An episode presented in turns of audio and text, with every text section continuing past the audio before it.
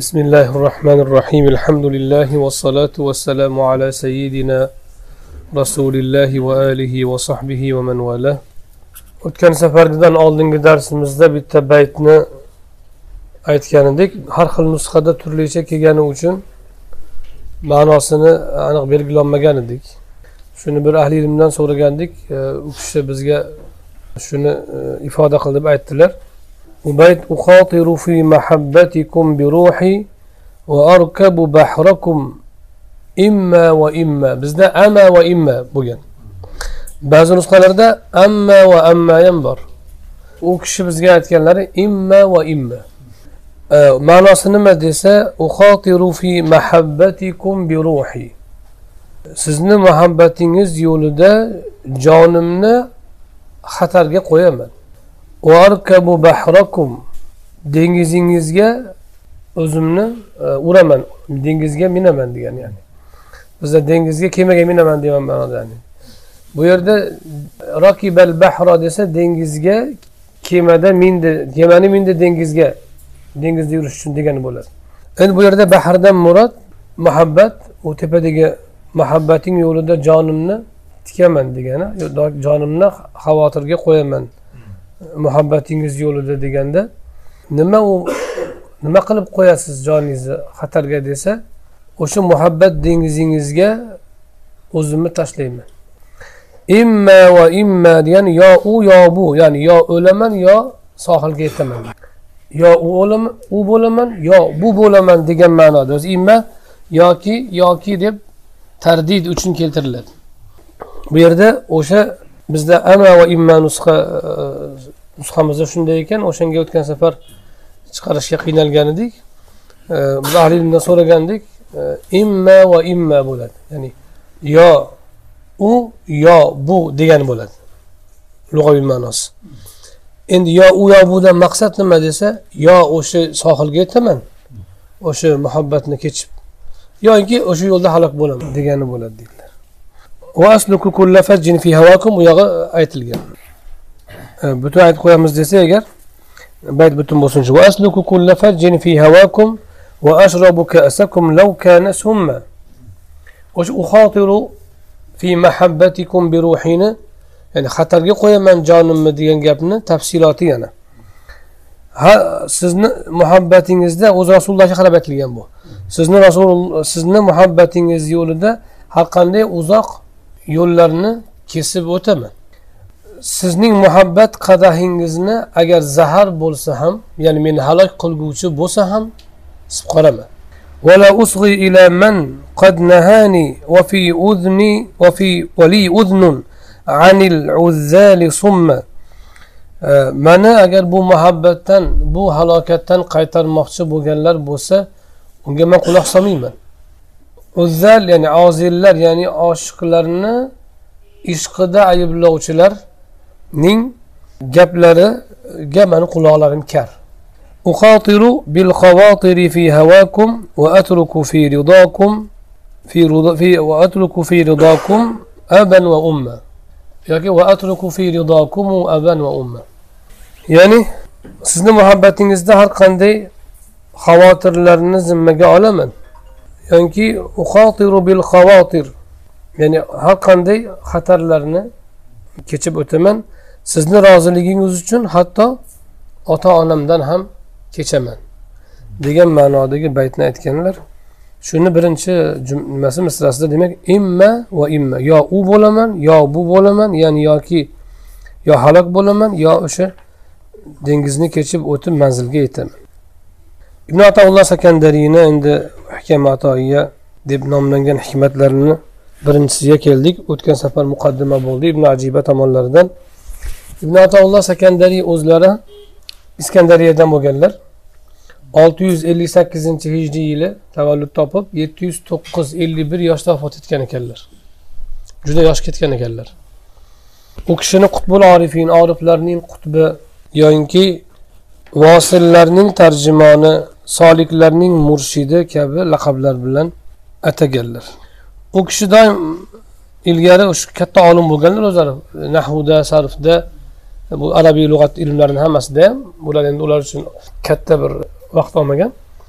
Fiqhda usul va hokazolarda ham tafsirda ham olim bo'lganlar. Hadisda ham olim bo'lganlar. Aytarkanlarki u kishi tasavvuf ilmi haqida eshitganlarida inkor qilar ekan o'sha paytlardada kimiki mana shu bizni qo'limizdagi kitoblar turibdiyu mana kitob mana sunnat turibdi mana qur'on turibdi. Mana shu biz o'qiyotgan kitoblardan boshqa ilm bor deb kimiki agar davo qilsa islomda allohga bo'xton to'qibdi u derkanlar. Shunday deb yurarkanlar. Keyin bir kun o'sha e, murshidlari abul abbos mursiyni oldilariga borganlarida u kishini so'zi qattiq ta'sir qilib qalblariga mutlaqo o'zgarish bergan ekan.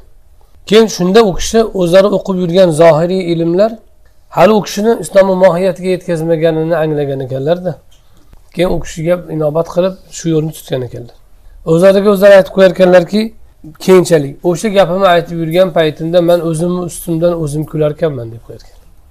O'sha gapimni aytishimni o'ylasam o'zimni ustimdan o'zim kularkanman deb. Lekin modom haqni istagan ekanlar alloh taolo u kishini o'shanga yetkazgan. Gohida kishi al insanu lima jahil. Inson o'zi bilmagan narsaga dushman bo'ladi ko'pincha. Bir yerga borsangiz o'zingizni oshingizni isitaverasiz oshga o'rganganingiz uchun. Har qancha yaxshi taomni olib kelib bersa ham o'zimizni oshga yetmaydi deymiz. Lekin u narigi tomonni boshqa millat egasi ham bizni oshni yesa e, shu ham bir maqtaydigan ovqatmi deyishi mumkin. Chunki u ham o'zini ovqatiga o'rgangan. Shunga o'xshagan ba'zan kishi o'zi shug'ullangan ilmlar o'zi o'rgangan e, ma'rifat va odatlar bilan cheklanib qolsa odatidan tashqari narsani ko'rganda inkor qiladi. Xususan shariy ilmlarda o'qigan odamlar asosiy ilmlar to'g'ri asosiy ilm e, o'sha kitobi sunnat ya'ni e, qur'oni karimni matni va sahih hadislarda bo'ladi. Lekin sahih to'plamlardan tashqari to'plamlarda ham to'g'ri rivoyatlar bo'ladi sahih rivoyatlar. Juzlar bor alohida kichkina asarlar bor. Shuningdek u gap nususni o'zida emas uni qanday fahmlashda o'sha qur'on o'sha qur'on. Masalan ibn ajiba yoki e, ibn atolloh sakandariy boshqa qur'on olib o'qigan emas. Bizni o'qiyotganimiz qur'on. Ularni inkor qilayotganlar o'qiyotgan qur'on ayni o'sha qur'on. Ammo fahmda farq qiladi. Hadislar ham xuddi shundoq uni ishoralar bilan topish ba'zi hadislardan topib olishimiz mumkin. Buxoriyni ochib o'qisangiz ham qaysilarini ochib o'qisangiz ham shunday bir ishoralar topasiz. E, unga hamma ham hushyor qaynamaydi. Ko'pincha zohirga cheklangan kishilar botiniy ilmlarga bu o'zi tabiat bo'ladi ba'zi odamda e, botiniy ilmlarga uncha rag'bat qilmaydi. Yo shoshqaloqligidan bo'ladi yoinki o'ziga baho berganidan bo'ladi. Shunchalik paloncha hadis bildim pistoncha o'qidim. Bundan ortiq narsa bo'lishi mumkin emas deb o'ylaydi. E, holbuki gap undoq emas. Agar shunaqa bo'lganda islom maktabalari bunaqa minglab kitob bilan to'lmasdi. Islom maktabalari tarix asnosida minglab kitoblarga ega bo'lgani ko'rsatadiki u islom to'rtta sakkizta yoki beshta kitobga cheklangan emas. Agar sahih buxoriyni o'qib hamma din shu desa kishi adashadi. Eng sahiy rivoyatlar shu desa to'g'ri bo'ladi. Lekin undan boshqa rivoyatlar bor va rivoyatlarni ayni sahih buxoriyni o'zini ham fahmlashda alohida manhajlar bor yo'nalishlar bor. U fahmlarni ashobi ikromlardan tobeinlardan mushtahidlardan ilg'ab qolganlar bayon qilgan bo'ladilar. Ana shu ilmlarni ortida undan tashqari keyin silsila bilan kelayotgan ilm biz bu darslarni boshlatganimizdaqa silsila bilan kelayotgan ilmlar bor. Rivoyat ilmi e, ayni hadis ilmidan tashqari fahmini tadbig'ini ham silsilasi bor. Ana bu ilmlarni ham olinsa keyin bu tasavvufni sanadi va asliga yetib boradi kishi. Va kitobi sunnatni boshqatdan tushunishni boshlaydi. Ammo zohiriga o'zi tushungan o'zini fahmigagina cheklansa unda adashadi. Qur'oni karimni rasuli akram alayhissalotu vassalom la tanqodi ajaibuhu yoki hazrati aliga mavquf bu hadis. Ajoyibotlari to'xtamaydi. La yashbau minhu ulama olimlar unga to'ymaydi deganlari lekin biz masalan qur'onni agar o'zimizni lug'aviy malakamizni yoki oddiy arab kishisi o'zini lug'aviy malakasini asosida bir qur'onni o'qib chiqsin unga oddiy tuyulishi mumkin. Ajoyibotlari tugamaydigan narsa bo'lib tuyulmaydi. U qur'onni o'qiydi. Bir bir qadar tushunadi shu falon narsa qilmaslik kerak ekan piston narsa qilish kerak ekan degan narsa qoladi. Lekin tuganmas tuganmas ajoyibotlarni oldiga chiqolmaydi u. Tuganmas ajoyibotlarni ko'rolmaydi. Yoki olim unga to'ymaydi deydi. Ya'ni ilm olib to'ymaydi degani. Ya'ni har xatmida yangi ilm oladigan holatga yetadi degani. Demak biz agar e, bitta xatm qilib ikkinchi xatmda o'sha ilm bilan qolayotgan bo'lsak demak biz qur'onni ajoyibotlarini olmayotgan bo'lamiz yoki ilmini kashf qilolmayotgan bo'lamiz. Buni bu gapni ostida nima turadi. Demak qur'oni karimni zohiri lafzlarini o'zidangina lug'aviy ma'noni o'zidangina ilm olib kifoyalanaman degan kishi adashadi balki uni botinida ilm ko'p bo'ladi. Ashobi ikromlarni besh oyat o'n oyatdan olganlari ham shundan bo'lgan. Har bitta kalimani mohiyatini anglab uni ostidagi ilmlarni anglab o'qishgan amal ham qilishgan. Lekin nimaga besh oyatdan olishgan? U sahoba ikromlar besh emas yuz oyatni bitta o'tirishadigan odamlar bo'lgan zehni o'tkir odamlar bo'lgan. Ibn abbos roziyallohu anhu yuz bayt yuz ellik bayt qasidani yuz ellik bayt qasidani bitta eshitganda yodlagan. Lekin nimaga shunaqa dona donalab o'qitganlar rasuli akram alayhissalotu vassalom baqarani yetti yilda yodlaganlar ibn umar roziyallohu anhu. Ba'zi sahobalar uzoq muddatlarda qur'onni yodlashgan. Nimaga desa o'sha fahmini qo'shib tadbiqini qo'shib olishganda. Lug'at bo'lsa u bitta eshitishda arobiy tushunganchalik tushunaveradi arobiydan yaxshi tushunadi. O'zini lug'at. Ba'zi odamlar aytadiki qur'oni karimni siz sharhlasangiz yoki bir oyat tepasida uzoq to'xtalsangiz yoki bir oyat tepasida ko'p istifoda nuqtalar olinsa agar ba'zi bir kishilarga og'ir keladi tafakkur qilib fikrlab o'rganmagan odamlargaki unaqa qiyinlashtirmaslik kerak. Payg'ambarimiz alayhissalotu vassalom arobiylarga ham da'vat qilganlar bu kishini gapini eshitganda arobiy ham tushungan qur'onni arobiy ham tushungan deydi. To'g'ri.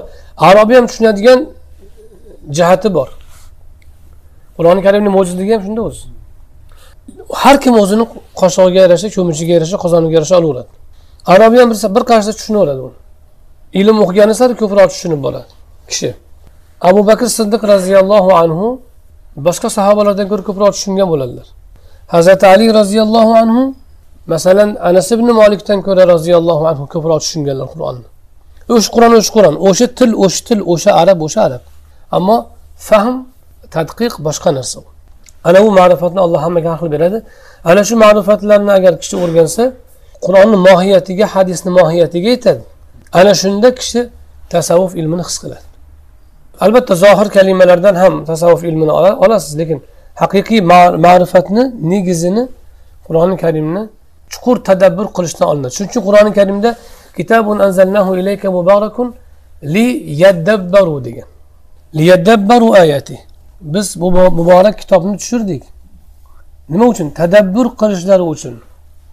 Yana boshqa oyatda afala yatadabbarunal qur'on qur'oni karimni tadabbur qilmay tadabbur nima degani? Duburdan olingan. Dubur orqa degani. Tadabbur bir narsani orqasini izlash. Bir narsani orqasidan bir narsani izlash. Demak alhamdulillahi robbil alaminda siz olamlarni robbi allohga hamd bo'lsin desangiz bu fahm tadabbur emas bu.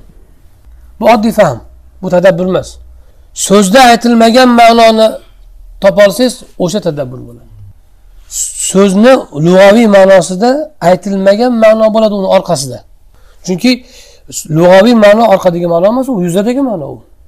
afala yatadabbaruna al-qur'on yoki liyadabbaru ayati tadabbur qilishlari uchun qur'onni nozil qildik desa tadabbur nima degani u qur'oni karimni o'qib ma'nolarini kalimalarini ma'nosini bilish emas u kalimani ma'nosini bilish tadabburga kirmaydi tadabburga vasila bo'ladi yo'l bo'ladi lekin tadabbur uni orqasidagi narsa bo'ladi shuning uchun duburda olinganki orqasidagi narsani fahmlash u bitta oyat tepasida inson bir kun o'tirishi mumkin ibn ato aytganlarki imom junaydni shogirdlari u kishi qur'oni karimni har kuni uch marta xatm qilar ekanlar ro'zayu ro'zadan boshqa vaqt. Har kuni uch marta xatm qilar ekanlar bu zikr va virt xatmasi. Endi alloh karomat bergan vaqti keng bo'lgan. Tez o'qigandan emas balki alloh taolo shu vaqtni barakasini bergan. Lekin tadabbur xatmasi ham bor ekan alohida. Tadabbur xatmalarini tugatolmasdan vafot etgan ekanlar. o'n yetti pora bo'lgan o'n yetti yilda tugatolmagan ekan. o'n yetti yil boshlaganlarga o'n yetti yil bo'lgan ekan tadabburni. o'n yetti yil bo'lib qur'onni tugatolmasdan vafot etgan. Kuniga uchta xatm qiladigan odam. Tadabbur lafzni tushunish emas yoki zohirdagi hukmni anglash emas ortidagi ma'nolarni kashf qilish. Ana shu tadabbur. Qur'on shuning uchun nozil bo'lgan. Zohirini o'qib qo'yib kalimasini tarjimasini aytish uchun emas. Ana bu tadabburga kirgan paytda kishi ilmni botiniga asliga yetadi. Ana shunda allohni murodi maqsadiga yetadi. Ana shunda ana shu ma'nolarni zimnida ko'rinadi. Tasavvuf ilmi. A, ana tadabbur darajasiga yetmagan kishi oddiy fahm bilan anglagan kishi kitobi sunnatdan e, shuni shu bilan cheklangan kishi oriflar tasavvufdan gapirsa yoki qur'on qur'on oyatlari va hadislarni asli negiz ma'nolaridan gapirsa fahmlamasligi mumkin yoki inkor qilishi mumkin. Yoki e, quloq solmasligi ham mumkin. Bu lekin qur'oni karimni maqsadini ochib bera olmaydi bu yurish. Sahoba ikromlarni e, va rasuli akram alayhissalotu vassalomni siyratlarini o'rgansangiz tadabburlarini ko'rasiz. Oddiy bitta misol ibn abbos roziyallohu anhu yosh bo'lganlar o'n olti yoshlarida rasululloh o'tganlar. Hazrati umar o'zlarini majlislarini katta sahobalardan tuzganlar ahli badrlardan muhojirlardan. Ibn abbos roziyallohu anhuni ham chaqirar ekanlar majlisga. Abdurahmon ibn avf aytibdilarki roziyallohu anhu hazrati umarga ibn abbos boshimiz ustiga ahli bayt. Lekin bu yosh hali bu katta ulug' kishilarni orasiga kirib o'tirsa meni hech qanday moneligim yo'q. Lekin boshqa majlis ahlini ham farzandlari bor. Ular meni ham bolam kelsin meni ham bolam kelsin deyishga o'tishadi. Keyin bizni bu e, parlament miqyosidagi majlis bo'lganda endi u davlat miqyosidagi majlis. Bu bizni e, shuyux shayxlar majlisimiz majlisi shuyux bolachalar bilan aralashib qoladi keyin. Shunga ibn abbosga uzr aytsangiz yoki u kishi kelmasa yaxshi edi. Hazrati umar aytibdilarki keyingi safar gaplashamiz majlisda. Majlisda o'tirganda aytdilarki "Iza jaa nasrullohi nasr surasi haqida kim nima tafsir ayta oladi dedilar birlari aytdiki alloh taolo bunda makka fathini aytgan dedi. Yana bittalari arab qabilalari kirishi nusrat bo'lishini aytgan. Va hokazo ma'nolarni aytishdi. Katta sahobalar shunda ibn abbos roziyallohu anhuga qarab sen nima deysan uka? dedilar. Deydilar bu surai karima rasululloh alayhissalotu vassalomni vafotlaridan darak dedi. Chunki rasulullohni vazifalari risolatni yetkazish va kishilarni dinga chaqirib ularga dinni tanitib qo'yish bo'ldi bilan tugaydi vazifa. Payg'ambarlar vazifasi tugashi bilan hayotdan ketadilar turmaydilar. Ular chunki maxsus maqsadda kelgan bo'ladilar. Allohni maxsus amrini ijrosiga ijro tugadi vazifa tugadi qaytadilar vafot etadilar. Bu sura rasulullohni vafotlariga ishora bu ishoriy tafsir. Hazrati umar ham aytdilarki men ham xuddi shunday tushunardim dedilar. Va sahobalarga aytdilarki sizlarni ham bolalaringlarda shunaqa ilm shunaqa aql bo'lsa olib kelaveringlar dedilar. Maylizki shunchalik aql bo'lsa shunchalik ilm bo'lsa olib kelaveringlar ularga mana bu qani o'lim degan so'z yo'q. Muhammad alayhissalom degan so'z yo'q. Vafot etasiz degan gap yo'q. Umringiz oxirlab qoladi hech qanaqa gap yo'q. Nas- nusrat kelsa allohni fathi kelsa odamlarni dinga to'p to'p bo'lib kelayotganini ko'rsangiz robbingizga hamd aytib tasbeh ayting. Tavba qiling istig'for ayting alloh kechiruvchi dedi. Bu nima aloqasi bor o'limga? Nima aloqasi bor vafotlariga? Nasr keldi fasabbih tasbeh ayting degani robbingizga ajraling degani bo'ladi. O'shandan o'shandan angladilar ibn abbos roziyallohu anhu. Bunga o'xshagan tafsirlar juda yam ko'p. Hazrati ali roziyallohu anhuni fahmlarida tafsirlarida keladi masalan. Ana shunday daqiq fahmlar. Mana bu tadabburni jumlasiga kiradi. Buni orqasida oyat karimalarni orqasida o'ta ko'p ma'no bor. Anvar shoh kashmiriy aytgan ekanlarki man qur'oni karimni o'qiyman yodlayman deb katta olim bo'lganlar deobandi kutubxonasini yoddan bilaman deganlar. Qur'oni karimni xatm qilaman deb ramazonda o'tiraman. Har kuni bir pora o'qiyman deb o'tiraman ramazonda. Bir bir oyatni o'qiyman ostidagi ma'nolarga kalimalarni ostidagi ma'nolarga uni tagidagi ma'noga uni ostidagi maqsadga kirib ketaveraman bir dengizga tushib qolaman u durni olaman deb unga cho'zaman qo'limni budurni olaman. O'sha betni tugatolmasdan iftor bo'lib qoladi deydi. O'sha sahifani tugata olmasdan iftor bo'lib qoladi. Ana shunday kishini ilmi kengaygani sari qur'oni karimga ko'proq sho'ng'ib boradi ko'proq narsani anglaydi. Mana shu ma'nolarni shu kabi tadabbur qiladigan kishilar e, hech qachon E, tasavvuf ahlini ilmini inkor qilmaydi ammo zohirga cheklangan kishilar ko'pincha inkor qilib qo'yadi. Bu ularni e, mashg'ulotlari kamligidan ilm bilan yoki fahmlari qosirligidan yoki o'zlariga ko'p baho berib qo'yganlaridan bo'ladi. Lekin kimniki qalbida hidoyat bo'lsa istash haqni istash bo'lsa albatta shu ma'noga qaytadi oxir. Albatta qaytadi. Birinchi bob deb boshlaydilar kitoblarini.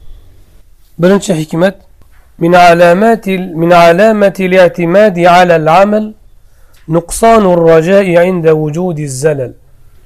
Amalga tayangan tayanganlikning alomatlaridan biri kishi amalga tayanganining alomatlaridan biri undan toyilish sodir bo'lgan paytda umidvorligi kamayib qolishidir.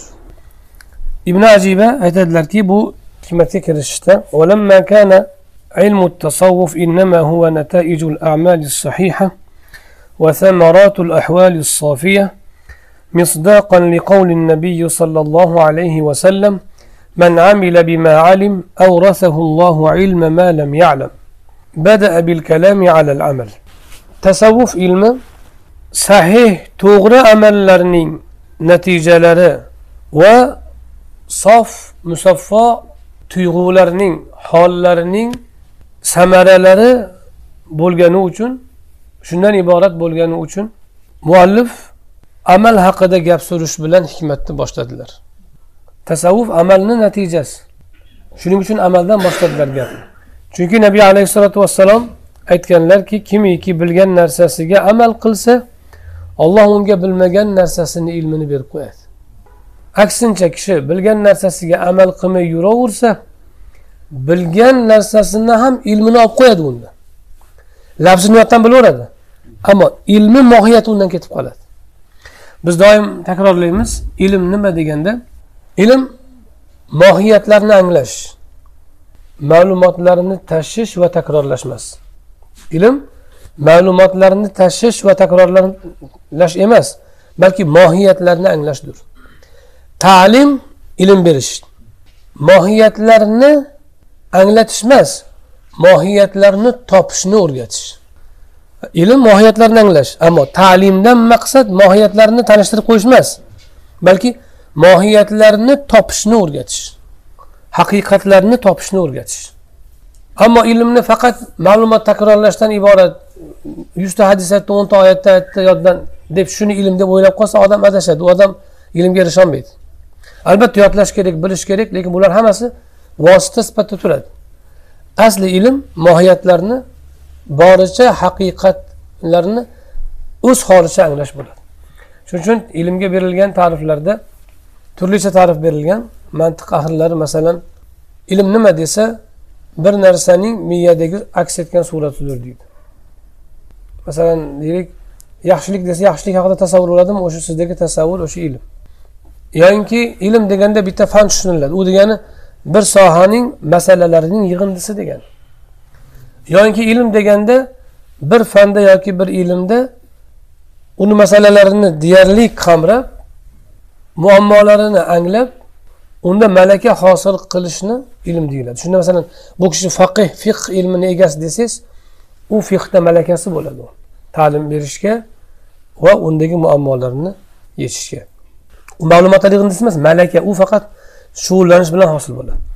Endi kalom ilmining ta'rifida bir narsani voqeda qanday bo'lsa shunday idrok etish jazm bilan dalil asosida deyiladi. Ana shu ilmlarni qatorida sohalar qatorida tasavvuf bitta ilm bo'ladi.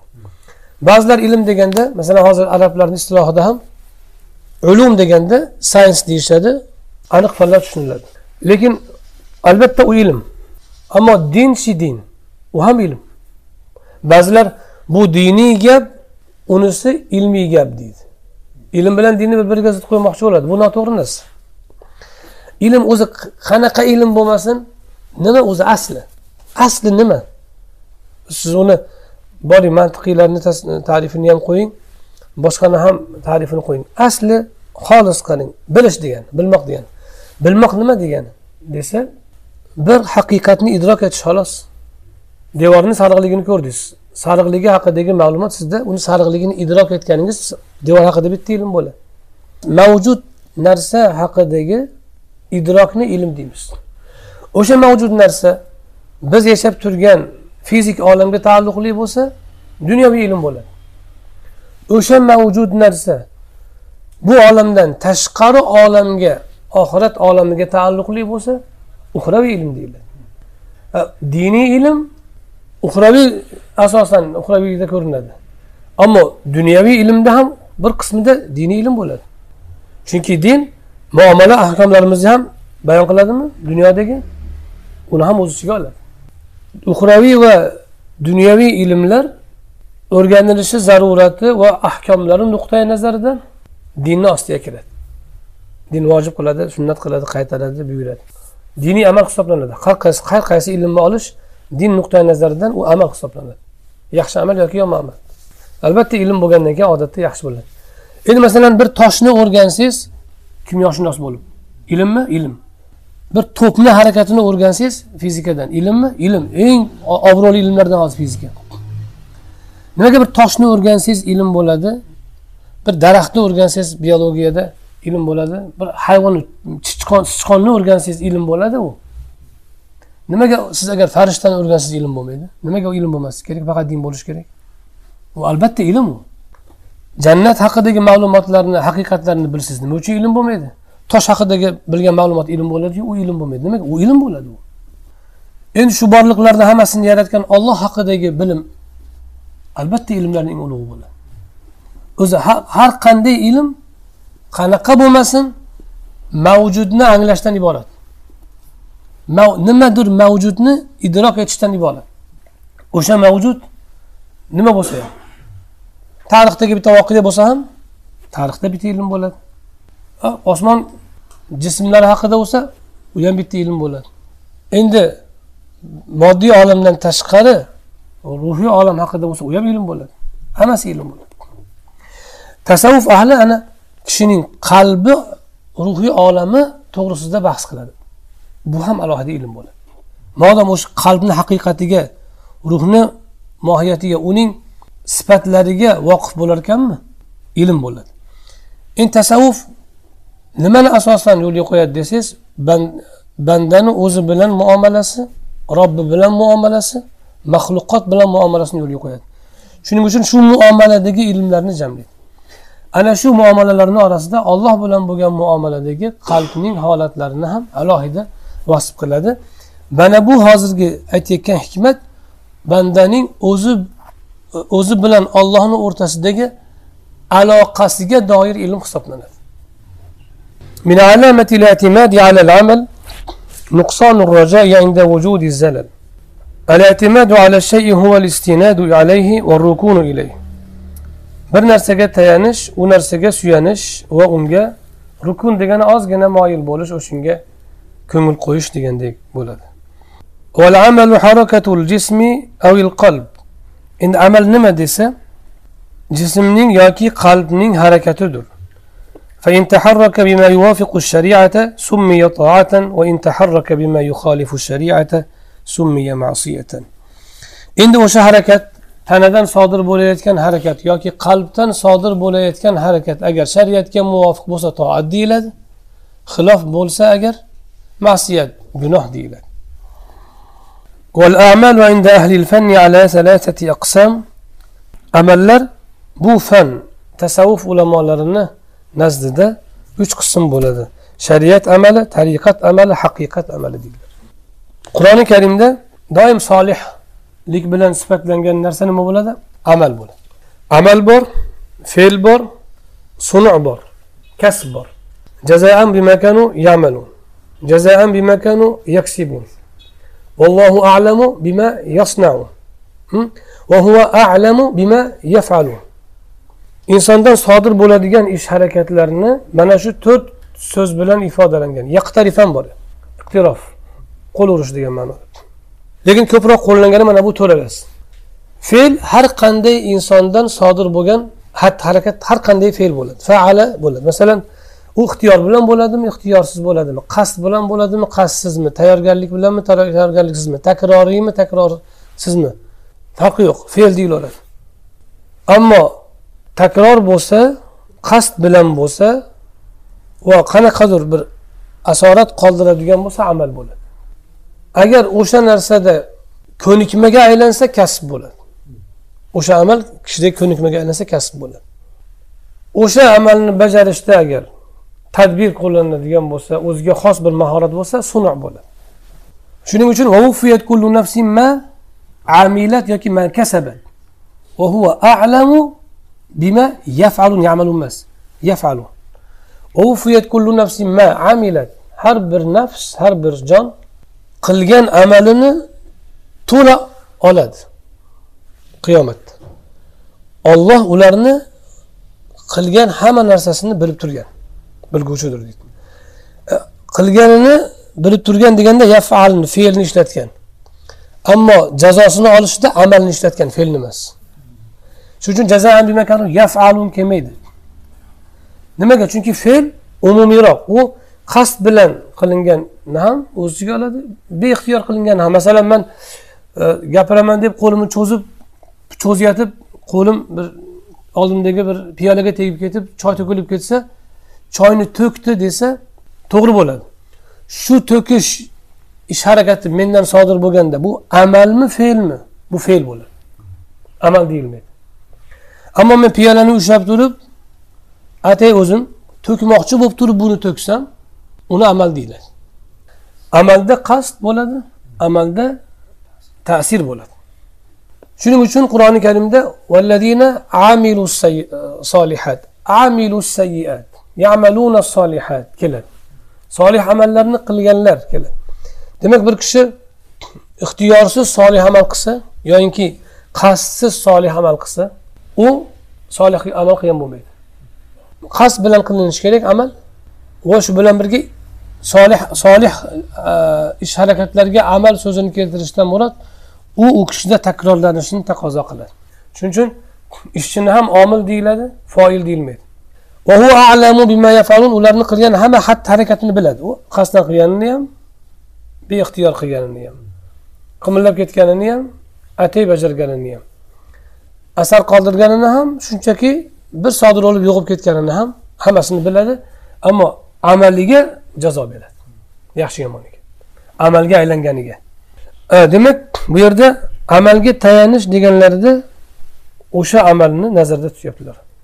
Alomat belgi. E, bu yerda bu kishi bayon qilmoqchi bo'lgan narsalari banda o'zini amaliga tayanyaptimi tayanmayaptimi shuni qanday tahlil qilishni o'rgatmoqchilar. Aytmoqchilarki banda amalga tayanishi mumkin emas uni bilamiz. Amalga tayan bo'lmaydi. Lekin men tayanyapmanmi tayanmayapmanmi qayerdan bilaman? Desa bitta senga alomat aytayinmi deyaptilar agar bir gunoh qilib qo'ysang bir xato qilib qo'ysang bir noto'g'ri ish qilib qo'ysang ollohdan bo'lgan umiding pasayib ketayotgan bo'lsa demak amalingni tayanyapsan ekan chunki amal qilganim qilsamgina bir narsa bo'ladi deb o'ylayapsan. Albatta amal shart farz qilinadi. Lekin unga tayanilmaydi amal qildimmi? Albatta erishaman deb o'ylayapsan bir narsaga. Unaqa emas. Amal bir vasila vosita sifatida qilinadi. Ammo asli ato ollohni fazlidan bo'ladi. Afu ham ollohni fazlidan bo'ladi. Shuni aytmoqchilar biz tayanyapmizmi tayanmayapmizmi o'zimizni qalbimizni tahlil qilmoqchi bo'lsak qaraylik.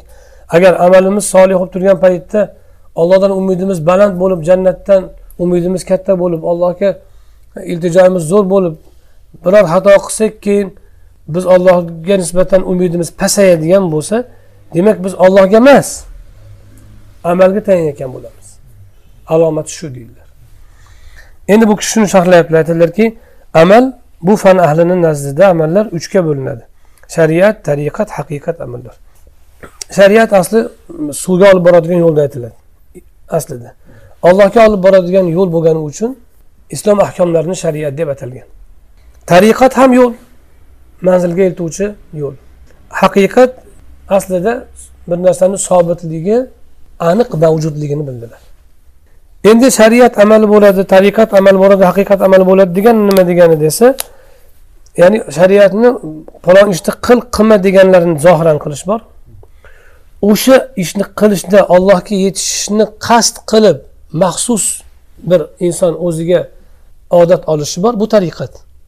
Endi o'sha amalni vujudida to'la tadbiq qilib o'zida aks ettirishi bu haqiqat bo'ladi. Yoyinki deydilar amalni uchga bo'lyapti. Uch xil. Amalni turlicha ta'bir qilyapti endi. Yoki aytishi mumkinki amalul islom va amalul iymon va amalul ihson jibril hadisidan olib aytyaptilar. Islom amali iymon amali ehson amali deyishing ham mumkin. Uchga uchga bo'lgan paytida. Unda nima bo'ladi? Islom amali fiq bo'ladi. Iymon amali qalb amallari bular aqida bo'ladi. Qalb va aqida aql amallari ehson amallari bular ayni ruhni qalbni amali bo'ladi. Shunday qilib bo'lsa ham bo'ladi. Yoki aytishing mumkinki e, ibodat ubudiyat ubudat deyishing mumkin. Amallar ibodatga bo'linadi ubudiyatga bo'linadi ubudatga bo'linadi. Ibodat a'zolarning allohga taslim bo'lib bo'ysunish sajda qil dedimi? Peshin paytda boshingizni qo'yishingiz yerga. Bomdodda turib ikki rakat to'rt marta sajda qilasan ikki marta ruku qilasan dedimi? O'shani qilishingiz. Ibodat. Falon savdoni bundoq qilasan piston savdoni bundoq qilasan dedimi? Ibodat. Zakotni berasan hajni qilasan yolg'on gapirmaysan dedimi? Ibodat. Ubudiyatchi shu amallarni bajarishda qalbning hozir bo'lishi va qalbning taslim bo'lishi. Qalbning o'sha narsaga taslim bo'lishi. Sajda qilyapsiz boshingiz yerga tegdi yuzingiz yerga tegdi. Ibodat hosil bo'ldi. Ammo qalbingizda taslimlik ruhi bormi yo'qmi? Bo'lsa ubudiyat hosil bo'ladi. Bo'lmasam ibodatni o'zi bo'ladi ubudiyat yo'q. Chunki o'zi asli ibodat abd so'zi ilgari ham aytganmiz buni yana takror aytamiz bu yerda mavzudan kelib chiqib. Ardu muabbadatunda ishlatilgan so'z. Ya'ni ard e, tariqu muabbad deydi. Ya'ni tekislab yurishga moslab qo'yilgan yo'l. Shunday yo'lki yo'lovchiga hech qanday e'tirozi yo'q yo'l. Birorta do'ng'ir cho'nqir joyi yo'q chuqur joyi yo'q.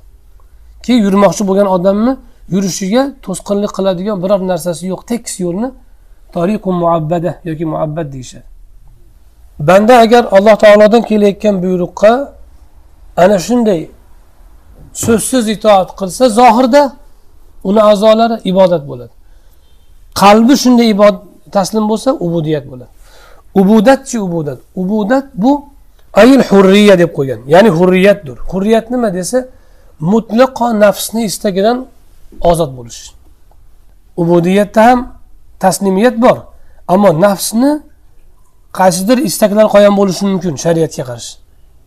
Qarshi turib e'tiroz bildirish ma'nosida emas to'la ko'nikmaganlik ma'nosida.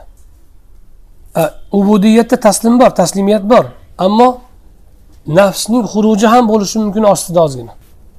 Ammo ubudatda kishida hech qanday nafsida shariatga xilof narsa qolmaydi. Nafsni o'zida qolmaydi. Muhammad ibn munkadir ulug' tobiinlardan imom molikni ustozlari aytganlaridek man qirq yilda nafsimni istiqomaga keltirdim deganlar. Qirq yil qirq yil surunkali urinib. U besh vaqt namozni o'qish emas u. U yoshligida o'qigan uni. Tahajjudni o'qish ham emas uni ham yoshligidan qilganlar. Biz ko'rayotgan zohiriy amallarga o'rganishga qirq yil ketmaydi. Qirq kun yetadi.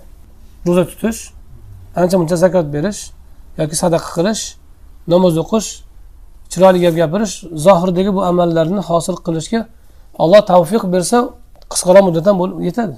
Ammo qirq yil ketishiga bir tobeinni qirq yil ketishiga nima sabab bo'lgan? O'sha nafsni eng ildizigacha u kishi his qilgan. Biz his qilmaydigan. Biz o'zimizga ibodatlik mana ham chiroyli deb ko'rinaveradi.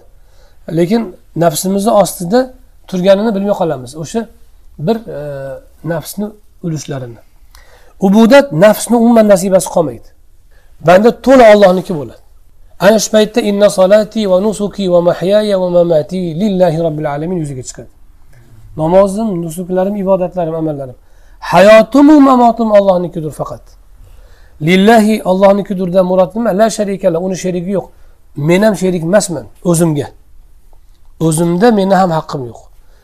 butun borlig'im ollohniki bo'ladi degan gapni rasulullohga aytishni buyurgan shunga buyurildim deb ayting va ana avvalul musulmonlarni eng birinchisi menman bu yerdagi birinchilik martabadagi birinchilik zamondagi birinchilik emas o'shaning uchun imom ahmad musnatlarida kelganda rasuli akram alayhissalatu vassalom shuni sanoni o'rnida o'qiganlar subhanakallohumada إني وجهت وجهي للذي فطر السماوات والأرض حنيفا وما أنا من المشركين إن صلاتي ونسكي ومحياي ومماتي لله رب العالمين لا شريك له وبذلك أمرت بتروايته وأنا أول المسلمين كتش روايته وأنا من المسلمين. أول المسلمين رسول الله كمناصب من المسلمين أمات لرشو مسلم الله دائما برنس انت سمان بيب دعوة قلامي مس. رسول الله قصوا الدعوة. مس قلامي مس. بس مسلم الله دائما مس دي مس. من المسلمين أمات شن تعليم وأنا أول المسلمين أزدار النمى قام mana shuni namozda saloni subhanakallohumma o'rniga o'qiganlari bor hazrati alidan rivoyat qilingan. Shunda namozni mohiyatini anglaysizki namozni asli namozga turishdan murod o'sha ubudatni hosil qilish. O'zimni ulushim o'zimda yo'q. O'zimdan o'zimga ulush qolgancha o'zingdan hayda deng. Bo'zlay boshladim inson o'zidan o'ziga nasiba qolmaydi. Bu ana shu kishi haqiqiy allohni bandasi bo'lgan bo'ladi. Ana shu kishi allohni yeridagi xalifasi.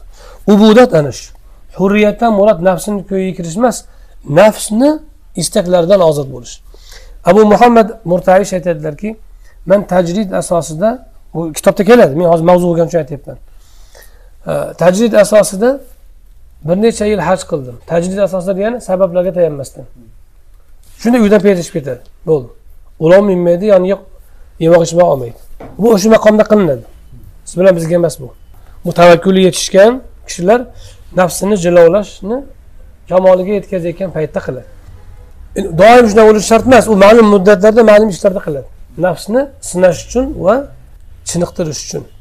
Haj qildim tajarrud bilan deydilar. Yemaydimi yeyishi mumkin. Birov kelib qo'liga berasa bersa yeydi. Lekin birovdan so'ramaydi yoniga olmaydi. Qancha och yursa shuncha chidaydi. Qancha chanqasa shuncha chidaydi. So'ramaydi birovdan. Sababga qo'lini cho'zmaydi. O'zi kelsa olloh yuborgan deb yeydi ichadi xolos. Shunday qilib haj qildim bir necha yil. U o'ta qiyin narsa endi bu. Endi masalan biz tasavvur ham qilishimiz qiyin. Man o'yladimki nafsim taslim bo'ldi inshaalloh. Nafsim ollohni hamma hukmiga taslim bo'ldi. Buni bu muolaja nima uchun qilinadi? Alloh taoloni qadariga ham rozilikni nafsga singdirish uchun bo'ladi. Men rozi bo'ldim allohni hamma hukmiga taslim bo'ldi deb o'yladim. Bir kun onam bir ish buyurdilar deydi. Buyurganida menga mol olib keldi deydi. Bildimki nafsim meni aldayotgan ekan hajda yurib haligi tajridda haj qilibman bir necha yil. Aldayotgan ekan qayerdan bilding? desa chunki onam buyurgan buyruq ma'ruf yaxshi ish edi yomon ish emasdi. Agar nafsim haqiqiy taslim bo'lgan edi ma'ruf ish malol kelmasdi manga ana nafsni shunaqa taftish qilganidan keyin qirq yil ketib qoladi. Lekin taftish qilmasdan o'zida hamma hamma yo'q go'zal men ham juda ajoyibman deydigan odam buni his qilolmaydi. Yoki o'zi bilan kifoyalangan odam shunchalik bo'ladida banda bundan ortig'i olloh buyurmagan hamma ham toqatiga yarasha qiladida degan kishi buni topolmaydi. E, ubudat ana shu holat hisoblanadi. Demak uchga bo'ladigan bo'lsangiz ubudat deyishingiz mumkin uchinchisi.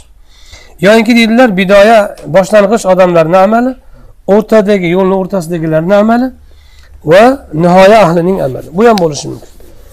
Yoinki yana aytishimiz mumkinki shariat tariqat haqiqat deganda biz shunday aytamizki shariat ollohga ibodat qilishing ya'ni tanangni allohga bo'ysundirishing.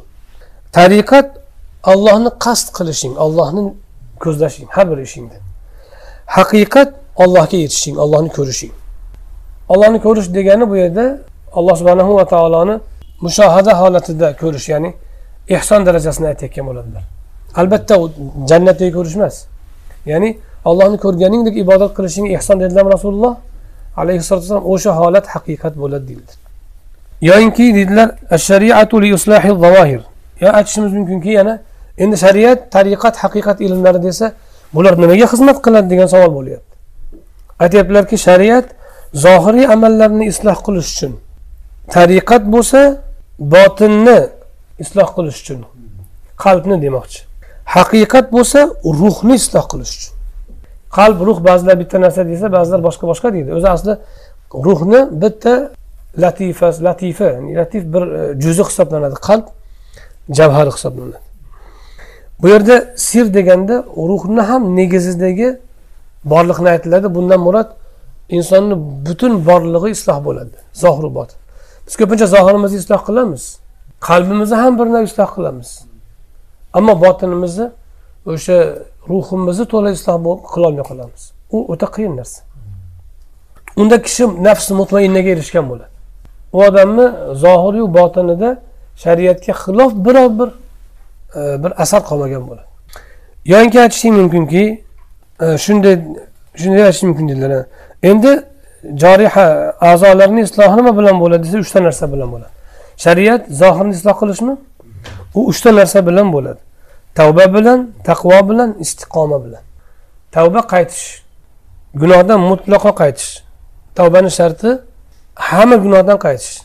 O'nta odatim bor to'qqiztasidan qaytaman bittasi turib tursin desa to'qqizovsi ham qabul qilinmaydi. Chunki u alloh taologa osiy bo'lishni o'ziga joiz sanayotgan bo'ladi. Olloh uni narigi itoati itoat bo'lmaydi. Chunki u odam alloh taologa men xohlasam qilaman itoat xohlasam qilmayman deyotgan bo'ladi. O'shaning uchun u tavba tavba bo'lmaydi. Hammasidan tavba qiladi. Birorta gunohni zohiru botinligini qoldirmasdan tavba qiladi keyin tavba bo'ladi. Endi keyin xato qilib qo'yishi mumkin lekin yana tavbada turaveradi u. Parvardigor ojizlik qildim deb turaveradi. Ammo xotirjam yo shunchalik qilmasa bo'lmaydi deydigan bo'lsa u tavba bo'lmaydi. Tavbani shartlari bor. Qaytish mutlaqo nadomat va allohdan kechirim so'rash. Agar birovni haqqi bo'lsa uni ham o'tab qo'yish. Chunki birovni haqqi o'talmasa olloh bularni haqqini ham ber deganmi modam haqqini bermasangiz allohga ham itoatsiz hosil bo'lmagan bo'lib turaveradi. Yana masalan man tahajjud ham o'qiyman namoz ham o'qiyman besh vaqt namoz jamoatdaman ellik marta haj qilganman. Lekin birovni haqqidan qo'rqmayman. Birov narsani o'n so'm haqqi qolib ketsa beg'am yuribman. Holbuki olloh aytganki birovni haqqi qolmasin botil yo'l bilan bir biringizni molingizni yemang degan. Men o'sha birovni haqqini kechiktirish yoki yeyishga beparvomanmi demak allohni amriga beparvoman asli. U ibodat ko'rinib qilayotgan amallarim o'zimga yoqqani uchun qilayotgan bo'laman. Allohga sig'inib emas. Asli allohga taslim bo'lib qilganim deydi bu buyurgan bo'ysunishim kerak edi men. Hech qachon taslimlik bir buyurganini qilib ikkinchisini qilmaslik bilan hosil bo'lmaydi. Taslimiyat mutlaq bo'ysunish bilan hosil bo'ladi. Bo'ysunasiz keyin xato qilib qo'yishingiz mumkin. Yana qaytaverasiz. Musulmon odam shunday bo'ladi. Qaytib gunoh gunoh qilmaydi emas qaytadi u. Gunoh qilib qo'yishi mumkin ammo tezda yana o'ziga diniga qaytaveradi yana amaliga qaytaveradi. Ammo xotirjam birovni haqqini kechiktirib xotirjam birovni haqqini yeb xotirjam birovni so'kib xotirjam birovni haqorat qilib yurgan odam u odam tavbasi tavba bo'lmaydi. Chunki alloh taologa u besh vaqt namozda itoat qilyapti. Ammo birovni haqorat qilma degan so'zni itoat qilmayapti. Xotirjam so'kyaptimi demak allohga taslim emas u. Birovga ozor berishi bilan uni oldida gunohkor. Olloh so'kma degan o'rinda so'kayotgani uchun ollohni oldida ham gunohkor. U million marta tavba qilsin ellik ming marta istig'for aytsin tavba bo'lmaydi. Toinki haligi odamdan kechirim so'rab uni haqqini halol qilib keyin allohga qaytib tavba qilmaguncha. Shuning uchun tasavvuf ahllari doim bayat olayotganlarida birovni ignachalik haqqi qolgan bo'lsa o'taysan deb shart qiladi u ma'naviy bo'lsin moddiy bo'lsin. So'kib qo'ygan bo'lsang borib kechirim so'raysan. Haqorat qilgan bo'lsang borib kechirim so'raysan. G'iybat qilgan bo'lsang bo'lgan bo'lsang obro'sini tiklab qo'yasan qaytarib. Keyin tavbang tavba bo'ldi. Bo'lmasa tavba bo'lmaydi. Chunki siz olloh bilan bo'lgan muomalangizni ham olloh tartibga solgan bandalar bilan bo'lgan muomalamizni ham olloh tartibga solgan. Olloh bilan bo'lgan muomalamizni o'zimizda to'g'rilasaku bandalar bilan bo'lgan muomalani to'g'irlamasak baribir olloh bilan bo'lgan muomalani to'g'irlamagan bo'lamiz. Chunki olloh uni ham buyurayotgan bo'ladi bizga. Mana shu yerda biz diyonatni mohiyatiga yetib boramiz. Ba'zan namoz o'qiydiyu biron haqidan qo'rqmaydi. Manga bir kishi aytadiki toshkentda bir ishlab chiqaruvchi odam chini zavodi bor ekan. Bir narsaga hayronman qora aka shu xorazm voha tomondagi odamlar namoz o'qimaydiyu lekin muomalani joyida qiladi bizga deydi. Endi hammasi ham bo'lmasa kerak. G'olibini aytyapti o'zini ko'rganini aytyapti haqqimizni cho'zmaydi yeb ketmaydi pulni cho'zmaydi deydi. Aytgan vaqtda beradi deydi. Savdoni halol qiladi deydi. Ammo vodiydagilar deydi aksar hoji akalar deydi. Ular orqasidan pulni ololmasdan yuramiz orqasidan borib deydi. Nimaga shunaqa? Ular hoji aka ular namozxon bular benamozu. Nimaga? Ular qo'rqmaydi bular qo'rqadi birovni haqqidan demak mana bu namozxon odam odamni zimmasidagi haqqi yonida ollohni haqqi ham turganini sezmayapti. Olloh uni ham buyurgan. Balki alloh taolo oson kechiradi ammo bandanikini kechirmaydi? O'zinikini oson kechiradi. O'zini haqidagi gunohni. Ammo bandani haqidagi gunohni olloh u kechirmaguncha kechirmaydi. Shuning uchun tavbani sharti odamlarni bilan oramizdagi aloqalarni ham to'g'irlashimiz kerak xatolarni to'g'irlashimiz kerak. Shundagina tavbamiz butun bo'ladi. Tavba dedilar zohirni islohi. Keyin taqvo. Taqvo oxiratda zarar keltirishi mumkin bo'lgan narsalardan to'xtalish. Taqvo o'zini sabab bilan himoya qilish degani asli. Nimadir vosita bilan o'zini himoya qilish taqvo deyiladi lug'atda. Bir amalni yomon amalni qilishdan to'xtash yoki bir yaxshi amalni qilish bu taqvo bo'ladi. Ya'ni o'zini shu orqali allohni g'azabidan to'xtatish. Mana shu ikkinchisi. Zohirni isloh qilishdi. Uchinchisi istiqoma. Istiqoma endi biz Э, istiqoma hadisida o'rganganmiz o'ta uzun katta bahs. Э, Desang fano durud muxtasar din o'lmak degandaqa sharhini tilasang yuz risola bo'lg'usidir degandaqa istiqoma nima deb so'rasang qisqa qilib to'g'ri yurish deb qo'yamiz. Sharhini tilasang yuzta risola bo'lg'usidir o'ta katta ma'no.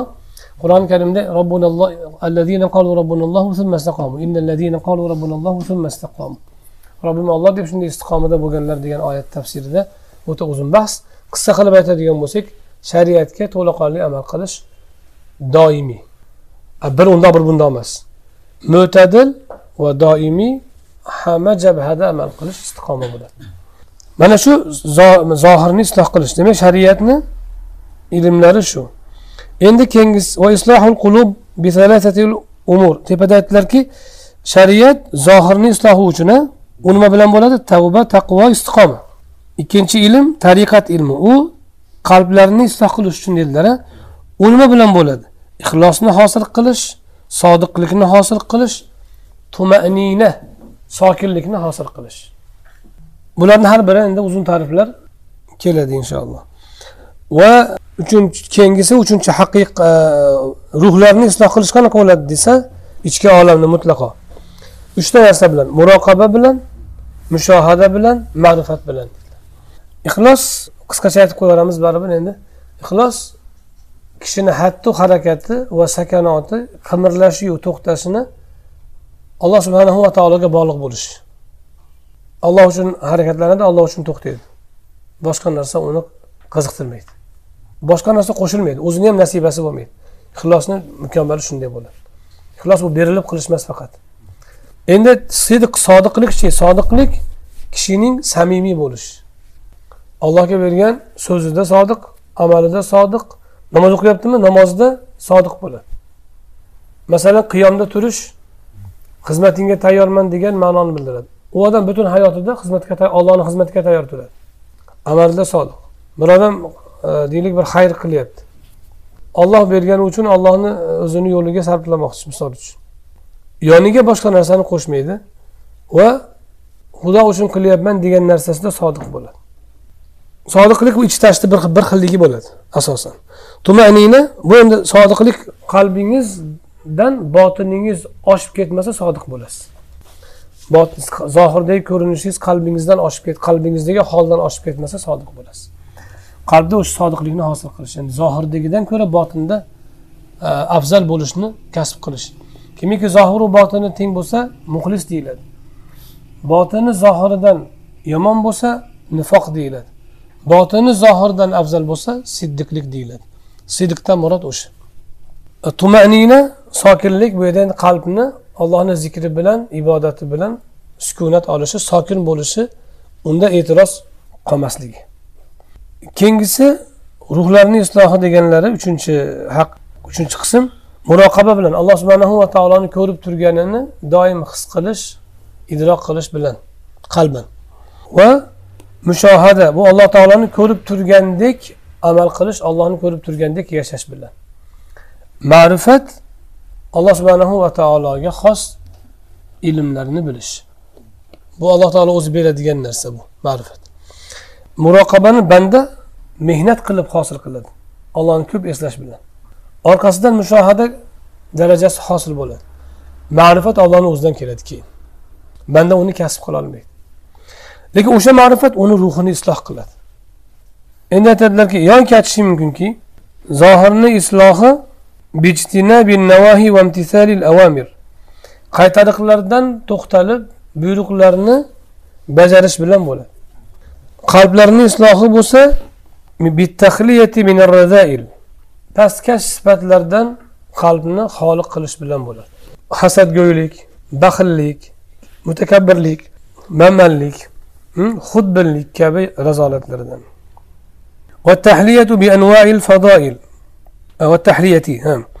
Yomon sifatlardan poklanib fazilatli sifatlarni hosil qilish bilan bo'ladi. Qalbni islohi. Endi ruhni islohi bo'lsa bu yerda degandan murod saroir deganda sirni aytyaptimi? Sirdan murod nima desa bu yerda ruhni aytmoqchimiz deydi. Ba'zida sirni sirdan boshqa ma'no ko'zlashadi. Ba'zilar sirdan bandaning olloh bilan ruhan bo'lgan aloqasini ya'ni ibodat qilganda qalbi allohga qanday bog'lanadi? Va undan tashqari bandani allohga aloqasi bo'ladiyu? Qo'rqadi alloh subhanahu va taologa masalan bog'lanadi. O'sha bog'liqlikni sir deyishadi ba'zilar. Quddisa sirruhu deganda quddisa degani muqaddas qilsin ya'ni aybdan pok qilsin deganda ba'zilar e, ruhini poklasin deb tushunadi. Ba'zilar olloh bilan bo'lgan o'sha bandani palonchi zotni aloqasini alloh taolo shunaqangi e, mukammal qilsin. O'ziga yaqin qilsin degan qisqaroq aytadigan bo'lsak. Yana shunday tushunadi. Nima u nima ruhni isloh desa bazluha hatta tatahadzab va ruhni fido qilish allohga topshirish.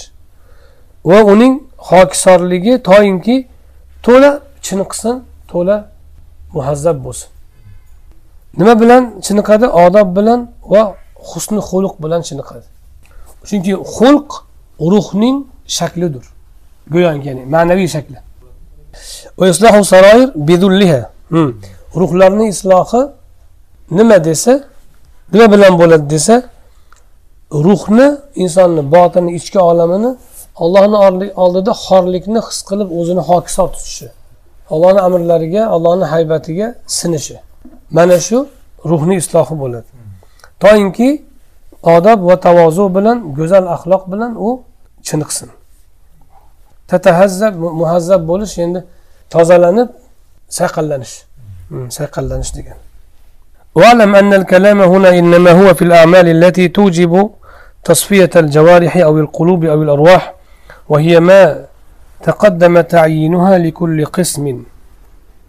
بلجينكي بوير دا جاب نما حقا دا كتيابت دي لها حقا دا خاندي قاندي أمال حقا دا كتيابت دي سيس أعزالرن قلبلرن روحلرن صفق لديان تزال لديان تزالنشكي أبكي لديان أمال لها حقا دا كتيابت شتور دا جاب برد har bir qismni amallarga taalluq haqida yuqorida aytdik biza bu kishi hakam hikamlarni to'rt bobga bo'lganlarida birinchisi mubtadiylarga keyingisi yangi soliklarga keyingisi oriflarga dedilaru ana shu yuqorida aytganimizdek deydilar amallarni isloh qilish أما العلوم والمعارف فإنما هي ثمرات التصفية والتطهير فإذا تطهرت الأسرار ملئت بالعلوم والمعارف والأنوار endi ilmlar va ma'rifatlarga kelsak u to'rtinchi qism bo'lib keladi ha hikmatlarda ularga qaraydigan bo'lsak ular ana shu poklanishning tozalanishning samaralari natijalari bo'ladi qachonki kishining ruhi botini to'la tozalansa ilm va ma'rifat bilan nurlar bilan to'lib ketadi ولا يصح الانتقال إلى مقام حتى يحقق ما يحقق ما قبله yoki yuhaqqoqa bo'lishi mumkin. Bir maqomdan ikkinchi maqomga o'tish oldin birinchi maqomni to'la o'zlashtirib bo'lmay turib durust bo'lmaydi. Masalan taqvo ba'zi tasavvuf ahllarini istilohida oxiratda zarar beradigan narsalardan o'zini tiyish. Shu bilan ollohni g'azabidan o'zini saqlash. Ammo varachi vara parhezkorlik deymiz. Vara oxiratda foyda bermaydigan narsadan o'zini saqlash. Taqvodan ko'ra baland. Bu istilohga ko'ra. Taqvo zarar beradiganlardan to'xtatish. Avvalo foyda bermaydiganlardan to'xtatish. Uni ichiga lahu lag'ular ham kiradi masalan laqillab choy aylantirib o'tirsak oshxonada laqillab o'tirsak yoki siz bilan do'dil qanaqa bo'libdi bugun e, ukraina nima bo'lyapti ekan deb o'tirsak bekor. Tahlil uchun bo'lsa mayli. Bir ish uchun bo'lsa mayli. Lekin shunchaki laqillash uchun bo'lsa u na oxiratimizga na dunyomizga foydasi yo'q. Bu oxiratga zarari ham yo'q. Demak taqvoga zid emas. Ammo foydasi yo'qmi oxiratga? Varaga zid. Vara demak torroq bo'ladi. A kishi agar taqvoni o'zlashtirmasa o'sha maqommi? Varaga o'tishi mumkin emas. Ba'zi odam bo'ladi katta katta gunohni qilaveradida bir kichkina nozik narsalarda taqvo ko'rsatib qo'yadi. Sunnat tepasida jang qilib yuboradida gohida yoki mustahabi tepasida jang qilib yuboradi. Jang qilsa mayli yaxshi juda yaxshi narsa. Lekin farzga undan ko'ra qattiqroq chiranish kerak u qattiqroq urinish kerak u uni qilmaydi u. Kichkina xatoni gohida ustida mahkam turib oladi. E, o'shani to'g'rilayman deb. Ammo katta xatolarga e'tibor qilmaydi. Yuqorida aytganimizdek e, masalan libosga e'tibor qiladi ammo birovni haqqiga e'tibor qilmay qo'yadi. Misol uchun. Yoyinki e, deylik namozga e'tibor qiladi. Lekin uni tez o'qiydi. Farziga e'tibor qiladi farz o'qiyapti. Lekin uni tez o'qiydi. Sunnatga e'tibor qiladi namozdan keyin sunnatni o'qishga. Ammo namozdagi xushu vojib edi. U vojibga e'tibor qilmaydi. Namozdan keyingi sunnat oldingi sunnatga e'tibor qiladi. U sunnat. Albatta u e'tibor qilish kerak albatta uni ado qilish kerak. Lekin namozdagi xushu farzda ham sunnatda ham xushu vojib ediyu. Unga e'tibor qilmaydi.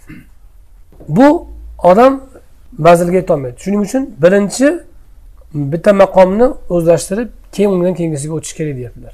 Bo'lmasa durust bo'lmaydi. Kimning boshlanishi nur bo'lsa oxiri ham nurafshon bo'ladi. Bu nima degani? Kimiki o'zini isloh qilishga kirishganda soliklikka tushgan paytida nur asosida tushsa oxiri ham munavvarlikka erishadi. Buni bu nima, nima deb ifodalamoqchi? Bu, bu ifodani mazmuni maqsadi nima desa kimiki alloh subhanahu va taologa tayanib boshlasa o'zini isloh qilishni. Albatta isloh bo'lib allohga yetishadi degan. Tadbiqi shundoq buni. Murodi shundoq. Kimni boshlanishi porloq bo'lsa nihoyasi ham porloq degani kim boshlanishda o'zini isloh qilishga kirishayotgan paytda o'ziga emas. palonchiga emas allohga tayanib islohga kirishsa o'ziga emas quvvatiga emas oxiri ham porloq bo'ladi ya'ni boshida ham olloh unga oson qiladi albatta o'sha poklanish hosil bo'ladi oxirida ham alloh taologa haqiqatda yetishadi من أشرقت بدايته أشرقت نهايته فلا ينتقل إلى عمل bu gapni bu yuqori bu yerda aytib qo'yishdan murod bir maqomni egallab ikkinchisiga o'tishga ishora qilmoqchi bitta maqomni egallasang o'sha yerda nur hosil qilasan shunday qilsang keyingi maqomda ham nur hosil bo'ladi oxirigacha demoqchilar lekin bu hikmat quyida keladi hikmat oyadan murodi haligi allohga tayanish فلا ينتقل إلى عمل الطريقة حتى يحقق عمل الشريعة bu endi fa la deb fa bilan boshlayotgani tafriya nimaga desa qaysi so'z qaysi jumladan tafriya desangiz bir maqomni o'zlashtirmasdan keyingisiga o'tmasin deyaptiyu binobarin demoqchilar Tariqat amaliga o'tmasin shariat amalini to'la o'zlashtirmay turib. Va butun a'zolari shariatni ahkomlariga chiniqmasdan turib tariqatga o'taman deb urinmasin bu degani tariqatga o'taman deb urinmasin degani o'zi amalni ichida tariqat bo'ladi shariatni yonida ham bo'ladi. Bu kishi aytmoqchi bo'lganlari e, shariatni qo'yib o'tmasin demoqchi.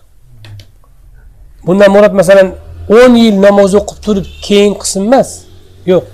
Namozni birinchi masalan bugun erta o'rganib oling. Ertaga xushusini o'rganing degani. Bugun o'rganing namozni ertaga xushusini o'rganing.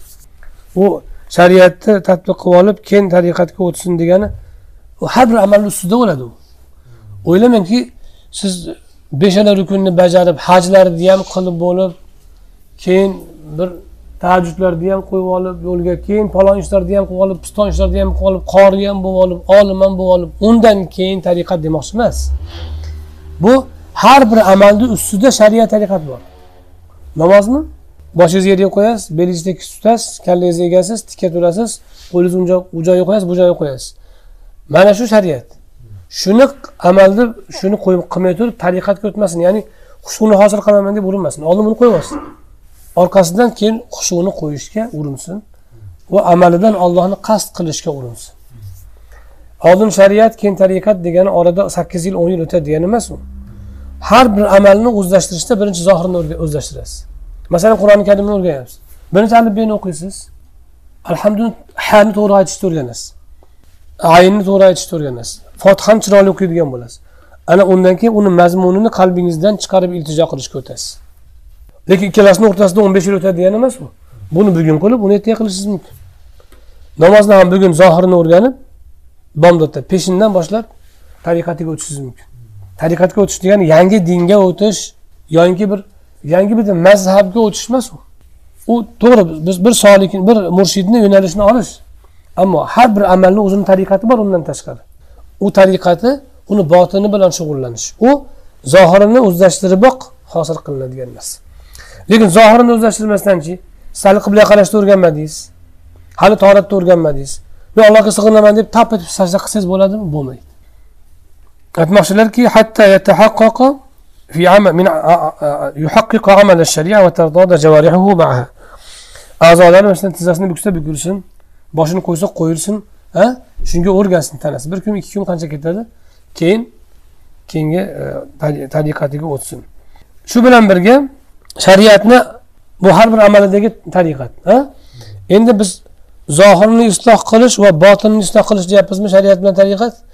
Endi xuddi har bir amalda bo'lganidek shariat va tariqat. Mutlaq ibodat tarzimizda ham bo'ladi. Tavbani shartlari bilan to'la o'zlashtirsin. Taqvoni o'zlashtirsin hamma rukunlari bilan. Istiqomani hamma qismlari bilan o'zlashtirsin. Bu nima bilan bo'ladi desa rasuli akram alayhissalotu vassalomni so'zlariga fe'llariga ish harakatlariga ahvollariga ergashish bilan bo'ladi. Qachonki zohiri poklansa shariat bilan munavvar bo'lsa undan keyin shariatni zohir amalidan tariqatga botinga o'tadi. Bu bashariy vasflardan poklanish bilan bo'ladi. Ana biz aytganimiz har bir amalni deganimizni ishorasi qaysi bu yerda? Aytyaptilarki rasuli akram alayhissalotu vassalom sunnatlariga zohirda e, so'zlarida fe'llarida hollarida ham ergashish biz ko'p marta aytgan aytamiz buni qaytib qaytib aytaveramiz. Har bir amalda qalbni hozirlash o'sha amalda qalb qanday bo'lishi kerak bo'lsa o'sha holatda tutishlik o'sha amalni tuyg'usini o'zida tuyish mana bu hol bo'ladi. Masalan alhamdulillah deydiz allohga vaqto bo'lsin deydiz alhamdulillah degan lafz bu qavl. Buni aytish so'zda rasulullohga ergashish lekin shu maqtov aytayotgan paytda ichimizdan alloh taologa olqish ruhi bormi yo'qmi? Qalbingizda olqish ruhi bormi yo'qmi? Bo'lsa holda ham sunnatga ergashgan bo'lasiz. Allohu akbar dedingiz olloh buyukdir dedingiz. O'ttiz uch marta sanayapsiz. Allohu akbar allohu akbar allohu akbar sanayapmiz yoki namozda o'tyapmiz u amaldan bu amalga allohu akbar allohu akbar deb o'tyapmiz. Olloh buyukdir deyapmiz. Haqiqatda buyukligini his qilib aytyapmizmi yoinki shuni aytsa keyin namozdan o'zilarkan deb aytyapmizmi yoki namozdan keyingi zikrda shu ollohu akbarni o'ttiz marta aytsam gunohim kechirilarkan deb aytyapmizmi? Yoki allohni buyukligini idrok qilib qalbimizda o'sha haybatni his qilib aytyapmizmi? Ana qalbimizda allohni ulug'ligini idrok qilib aytsak holda ham ergashayotgan bo'lamiz. Mutoba qilayotgan bo'lamiz. Va hokazo hamma amalda shu. Mutoba shuning uchun xo'ja ahror valiyni risola volidiya asarlari bor. Biz buni shifo kitobini sharhidan batafsilroq aytdik o'shani o'sha risola volidiyani bobur tarjima qilgan risola volidiya deb turkchaga turkiyga shunda har bir mo'minga lozim bo'lgan tasavvufni bayon qilganlar. Har bir mo'minga farz bo'lgan. Shunda aytganlarki rasuli akram alayhisalotu vassalomga ergashishdir ma'rifat betabaiyat bo'lmas deb aytganlar. Ma'rifat betabaiyat bo'lmas. Ollohni tanish rasulullohga ergashishsiz hosil bo'lmaydi. Deb turib keyin nimalarda ergashasan deydi. Desa aytadiki aytadiki fe'liyu qavliyu holi dururul. Ish budur so'z budurur budur yo'l deydi. Nimada ergashish kerak rasulullohga alayhissalom? So'zlarida amallarida hollarida kishi agar so'zda ergashsayu holda ergashmasa so'zda manfaat olmaydi. Soqit bo'laveradi ammo naf olmaydi. Amalda ergashsayu holda ergashmasa yana naf olmaydi. Peshinmi? Xushusi yo'qmi? Soqit bo'lishi mumkin. Qazo qildi deb yozilmaydi favt qildi deb yozilmaydi. Ammo peshindan unga qurbat hosil bo'ldimi? Bo'lmaydi. Agar holda ergashmasa. Ilm o'qiyapti ilm hosil bo'laveradi. Ammo o'sha ilmdan qurbat hosil bo'ladimi hol hosil bo'lmasa holda mutobaat qurbat hosil bo'lmaydi ilmda qur'on o'qiyapti. Tajvidni zo'r ado qilyapti. Harfiga savob beraman deganmi olloh beradi. Savob umid qilyaptimi? Savob bo'lsin deb bo'ladi. Ammo ruhan yuksaladimi? Yuksalmaydi. Holda mutoba bo'lmasa. Holda mutoba bu da'vat asnosida ham tadris asnosida ham savdoda ham hamma narsa zakot berishda ham sadaqa qilishda ham hamma amallarimizda ko'rinishi kerak. Uni o'sha har bir amalni ustida o'ziga xos bo'ladi. Masalan sajdada hokisorlik hosil bo'lishi rukuda hokisorlik hosil bo'lishi. Sajdada taslim ruhi kayfiyati hosil bo'lishi kishini vujudida. Holdagi mutobaalardandir va hokazo. Ana shu hollarda mutobaa qilish bilan kishi shariatni oldin yo'lga qo'yadi. Ana undan keyin deydilar shariatni zohiriy amallari to'la hosil bo'lgandan keyin u kishida endi botinga o'tadi botinda nima nima qiladi desa bashariy sifatlardan o'zini tozalaydi. Bashariy sifatlardan degani odamgarchilik ketib qoladi yoki farishtaga aylanib qoladi emas. Insonni insonchiligidan bashariyligidan kelgan tuproqdan tuproq tabiatidan kelgan yoki nafsidan hosil bo'lgan sifatlar bo'ladi. Masalan kimdandir g'olib bo'lish hissi. Nafsdagi xususiyatlardan illatlardan. Masalan deylik kimgadir so'zini o'tkazish istagi nafsdagi hislatlardan bashariy hislatlardan. Yoinki nima kimnidir yomon ko'rish nimadandir kelib chiqib oddiy narsa g'ashlik deb qo'yaveradi o'zini o'zi. Kibr va hokazo ko'p endi. Mana shu narsalardan tozalanish tariqat shunga olib boradi shariatni birinchi bajaradi yuqori aytganimizdek keyin tariqatga o'tadi botinni tozalash uchun deydilar quyida keladi uni tafsilot demoqchi فإذا تطهر من أوصاف البشرية تحلى بأوصاف الروحانية qachonki bashariy sifatlardan ana shunday kuduratlardan soflangandan keyin poklangandan keyin u odam ruhoniyat bilan bezanadi u nima desa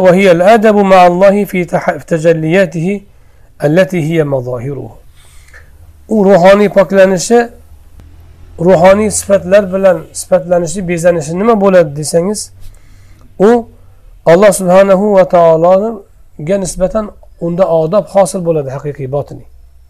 Shunday odobki alloh taoloning tajalliyotlarida odob hosil bo'ladi u kishida.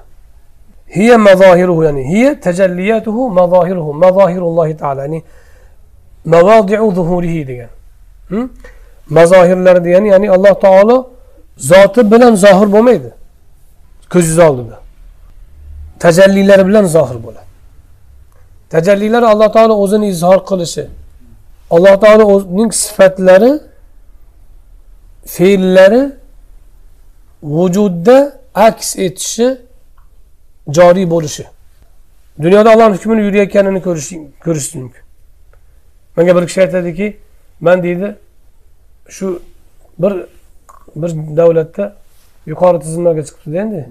Eng yuqori tizimga chiqib aytadiki man deydi hayron qolyapman davlatni hech kim boshqarmayekan deydi. Hali boshqaryapman deb o'ylaydi ekan deydi.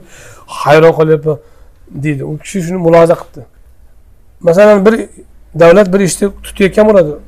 Bir ishni e, bajarayotgan bo'ladi. O'shanga majbur bo'lib qo'ygan bo'ladi. Nima qarasangiz vaziyatlar shunga olib kelib qo'yadi haligini shaxslar boshqarayotgan bo'lib ko'rinadi haqiqatda boshqaradi zohirda.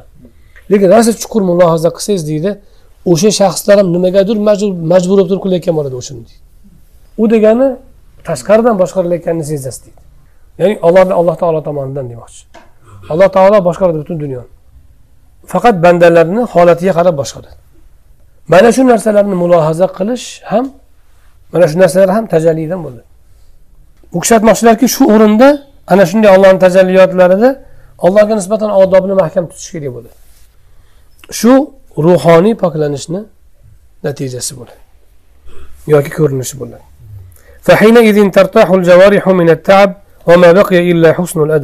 Mana shu paytda butun tana rohatga erishadi charchoq qolmaydi.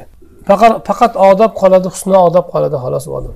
Ya'ni u kishini amali o'zini qiynab itoat qilish emas balki tanasi o'zi alloh subhanahu va taoloning roziligiga vujudi allohni roziligiga o'zi yuradigan bo'lib qolgan bo'ladi قال بعض المحققين محققlardan bittalari aytadilarki من بلغ إلى حقيقة الإسلام لم يقدر أن يفتر عن العمل ومن بلغ إلى حقيقة الإيمان لم يقدر أن يلتفت إلى العمل بسوى الله ومن بلغ إلى إلى حقيقة الإحسان لم يقدر أن يلتفت إلى أحد سوى الله kimiki agar islomni haqiqatiga yetsa amalda noqislik qilolmay qoladi futur ya'ni futur degani futur bizda ham futur yetkazish deymizu ha futur o'zi fatara degani g'ayratsizlanish g'ayratsizlanishga tushmaydi qilgisi kelmay qolmaydi shariat amallari kimiki islomni haqiqatiga yetgan bo'lsa u odamda amalda g'ayratsizlanish bo'lmaydi G'ayrat so'nish bo'lmaydi. Sutlashish ha sutlash deymiz biz. Kimiki agar iymonni haqiqatiga yetsa amalga qaramaydi u. Ollohdan boshqa bilan demoqchi. Ya'ni iymonni haqiqatiga yetsa deyishdan murod nima? Iymon biz iymon keltirganmiz allohni xoliqligiga mudabbirligiga qodirligiga. Bandani amallarini ham olloh yaratishiga to'g'rimi? Shu iymonni haqiqatiga yetsa banda o'zidan sodir bo'layotgan amallarni alloh taolo unga yaratib berayotganini idrok qiladi. Olloh unga yaratib yasab berayotgan narsalarda u o'ziga baho berolmaydi. Va o'sha amalga e'tibor qilmaydi. Men palon ish qilib qo'ydim deyolmaydi kimiki agar ehson darajasini haqiqatiga yetsa ollohdan boshqaga qarash uni qo'lidan kelmaydi. Ya'ni qalbi ollohdan boshqaga yuzlanmay qo'yadi. dedilar ولا يعتمد المريد في سلوك هذه المقامات عن على نفسه ولا على عمله ولا على حوله وقوته وإنما يعتمد على فضل ربه وتوفيقه وهدايته وتسديده. مريد صالح يعني bu maqomlarni bosib bosib o'tarkan o'ziga yoinki o'zining amaliga yoinki o'zidagi havlu quvvatga tayanmasligi kerak.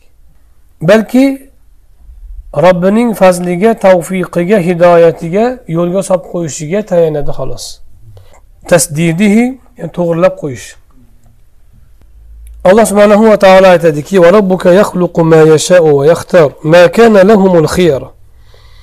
robbing o'zi istagan narsani yaratadi va o'zi ixtiyor qiladi ularda ixtiyor yo'q bandalarda ولو شاء ربك لجعل ولو شاء ربك ما فعلوه agar robbing istaganda qilishmasdi shuni.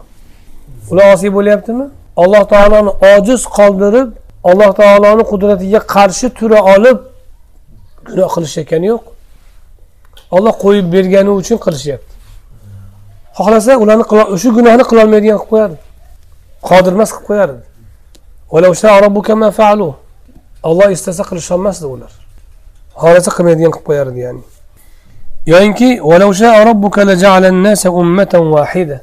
agar robbing istaganda edi odamlarni bitta ummat qilib qo'yardi hammasi bir xil bo'lardi ولو شاء رب ولو شاء ربك لجعل الناس أمة واحدة ولا يزالون مختلفين إلا من رحم ربك ولذلك خلقهم agar robbingiz istaganda odamlarni hammasini bir bitta ummat qilib qo'yardi. Hammasi bir xil allohga sig'inadigan yoki bir holatda bo'lishardi. Ular mana shu turlilikda davom etadilar. Shuning uchun hammani musulmon qilaman degan odam adashadi. Bo'lmaydi. Hammani kofir qilaman degan ham adashadi. Bo'lmaydi.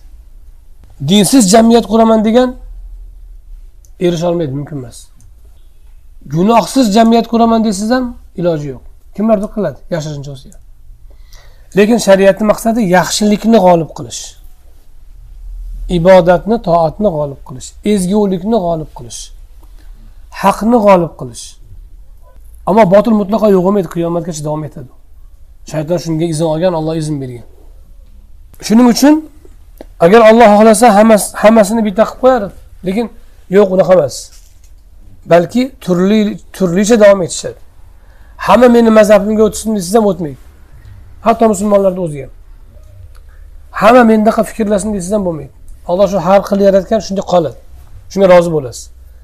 Agar bunga siz jig'ibiyron bo'lsangiz ollohni qadariga norozi bo'lgan bo'lasiz.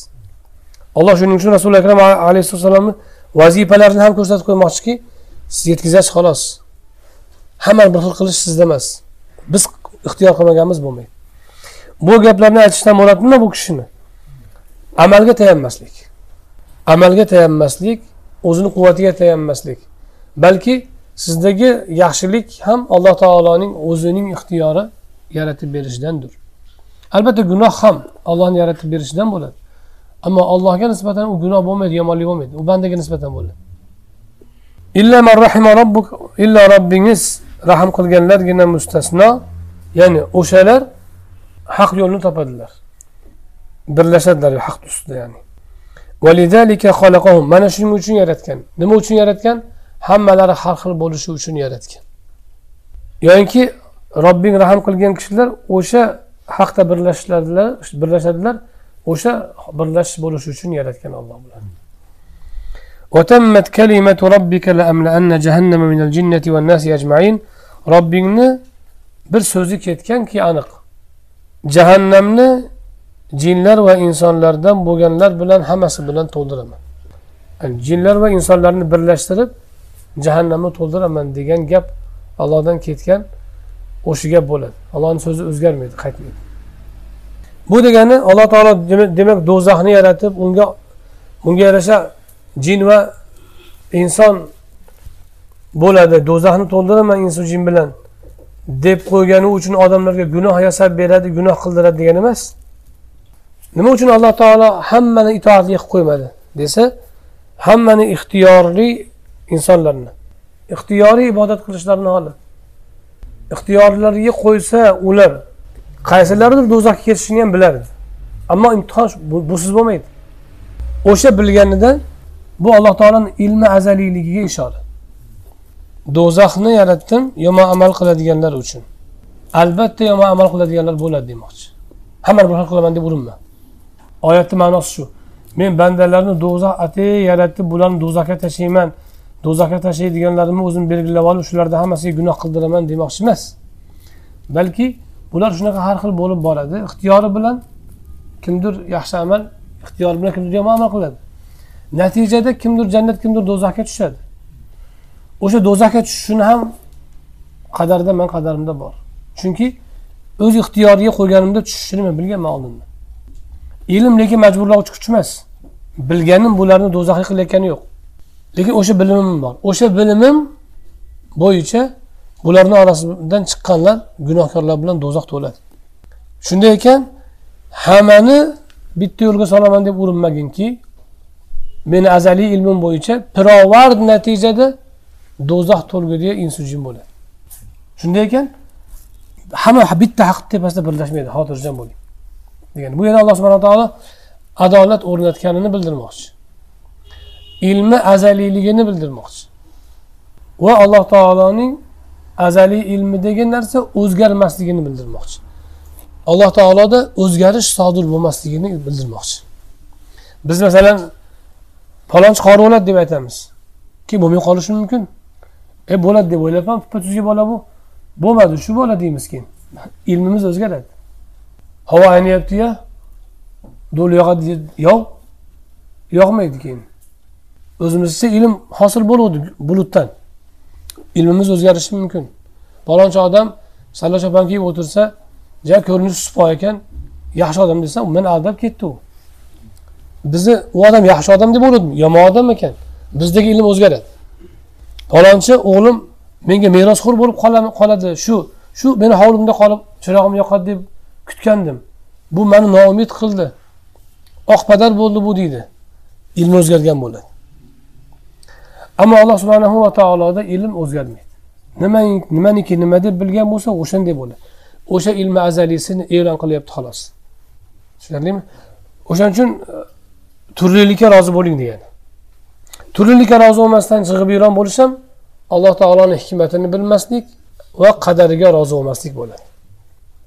bu oyatlarni aytishdan murod bu kishi banda ollohni tavfiqiga tayansin ollohni fazliga tayansin amalida o'zini amaliga tayanmasinki olloh xohlasa hammani amalini bitta qilib hidoyatga qildirib qo'yamidi kimlardir adashishga qo'yib berdimi seni ham qo'yib berishi mumkin hidoyat qilib turibdi hidoyatda yuribsan o'zingdan ketmagin demoqchi وقال صلى الله عليه وسلم لن يدخل أحدكم لن يدخل أحدكم الجنة بعمله.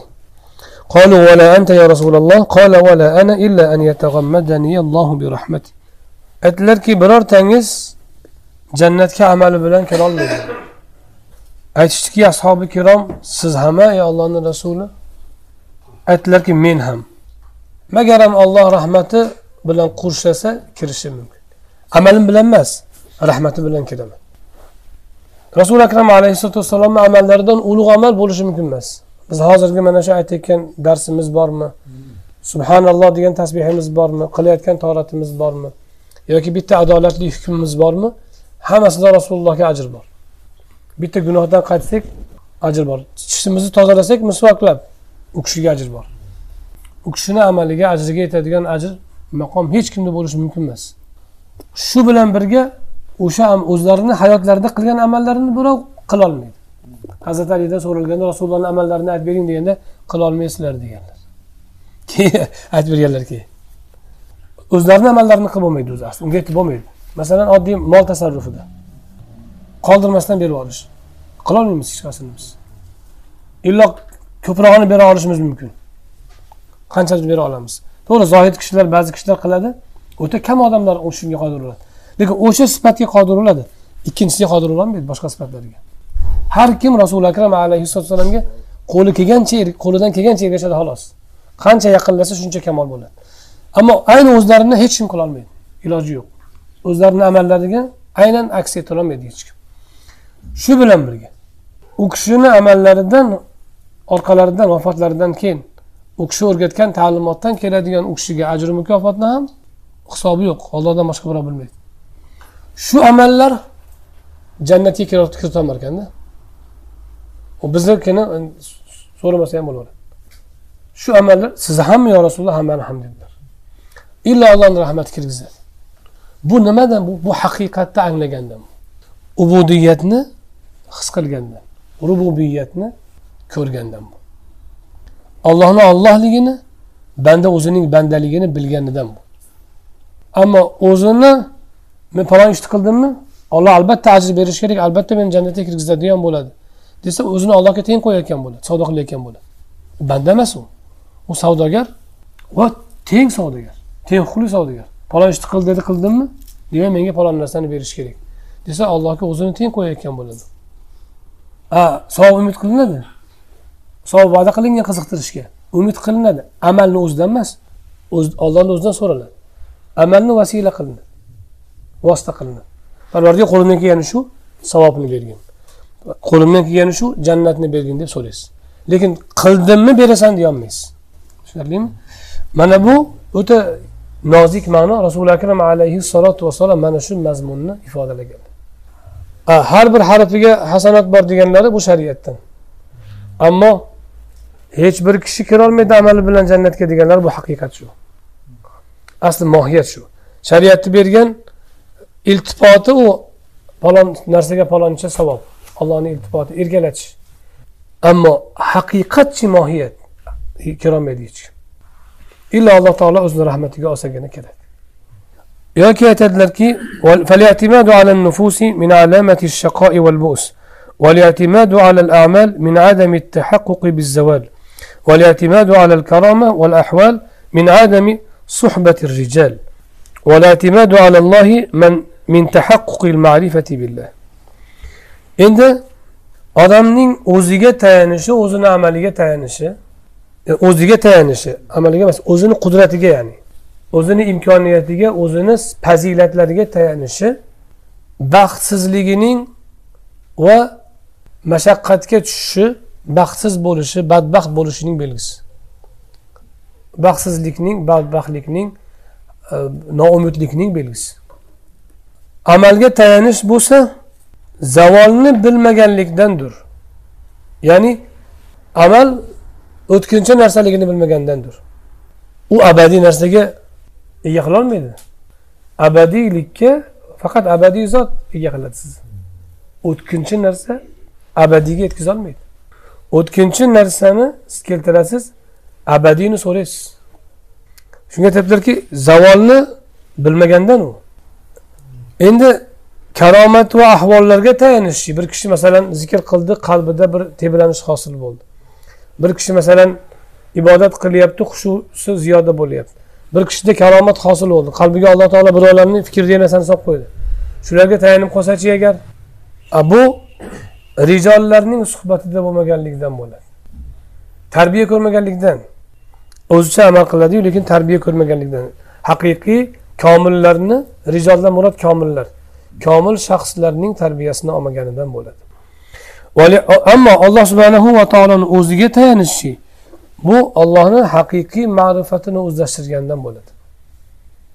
U qandoq bo'ladi? Alloh subhanahu va taolo yaratib bersa o'zi yo'qdan bor qilgan o'zi asli shu bizni tanamiz ruhimiz asli. Aqlmi ko'zmi ko'rishmi eshitishmi turishmi o'tirish hamma quvvatni bergan bo'lsa yana tinimsiz ta'minlab turgan bo'lsa bir lahzada olib qo'yishga qodir bo'lsa va uni ustiga shu amallarni payg'ambar yuborib o'rgatgan bo'lsa kitob tushirib ta'lim bergan bo'lsa rasul yuborib tadbiq qilib ko'rsatgan bo'lsa hatto tozalanishgacha yuvinishgacha. Va uni biz o'rganishimizga bizga qudrat bergan bo'lsa uni ilmini bizga ulamolar vositasida o'zi yetkazib bergan bo'lsa o'rganish o'rganamiz degan paytimizda aql bergan bo'lsa o'rganishga vaqt bergan bo'lsa imkon bergan bo'lsa tavfiq bergan bo'lsa shunga muyassar qilgan bo'lsa o'rganganimizdan keyin bajaramiz degan paytimizda jonimizni olmasdan bajarishimizga umr bersa o'sha umrimizda bajarishimizga qudratni yaratib berib tursa qudrat ikkita bo'ladi shuning uchun. Bandada asli o'zlashtirilgan qudrat istitoa deymiz va muqorin qudrat. Ya'ni amalni bajaraman degan paytingizda bajara olishingizga imkon yaratib berish.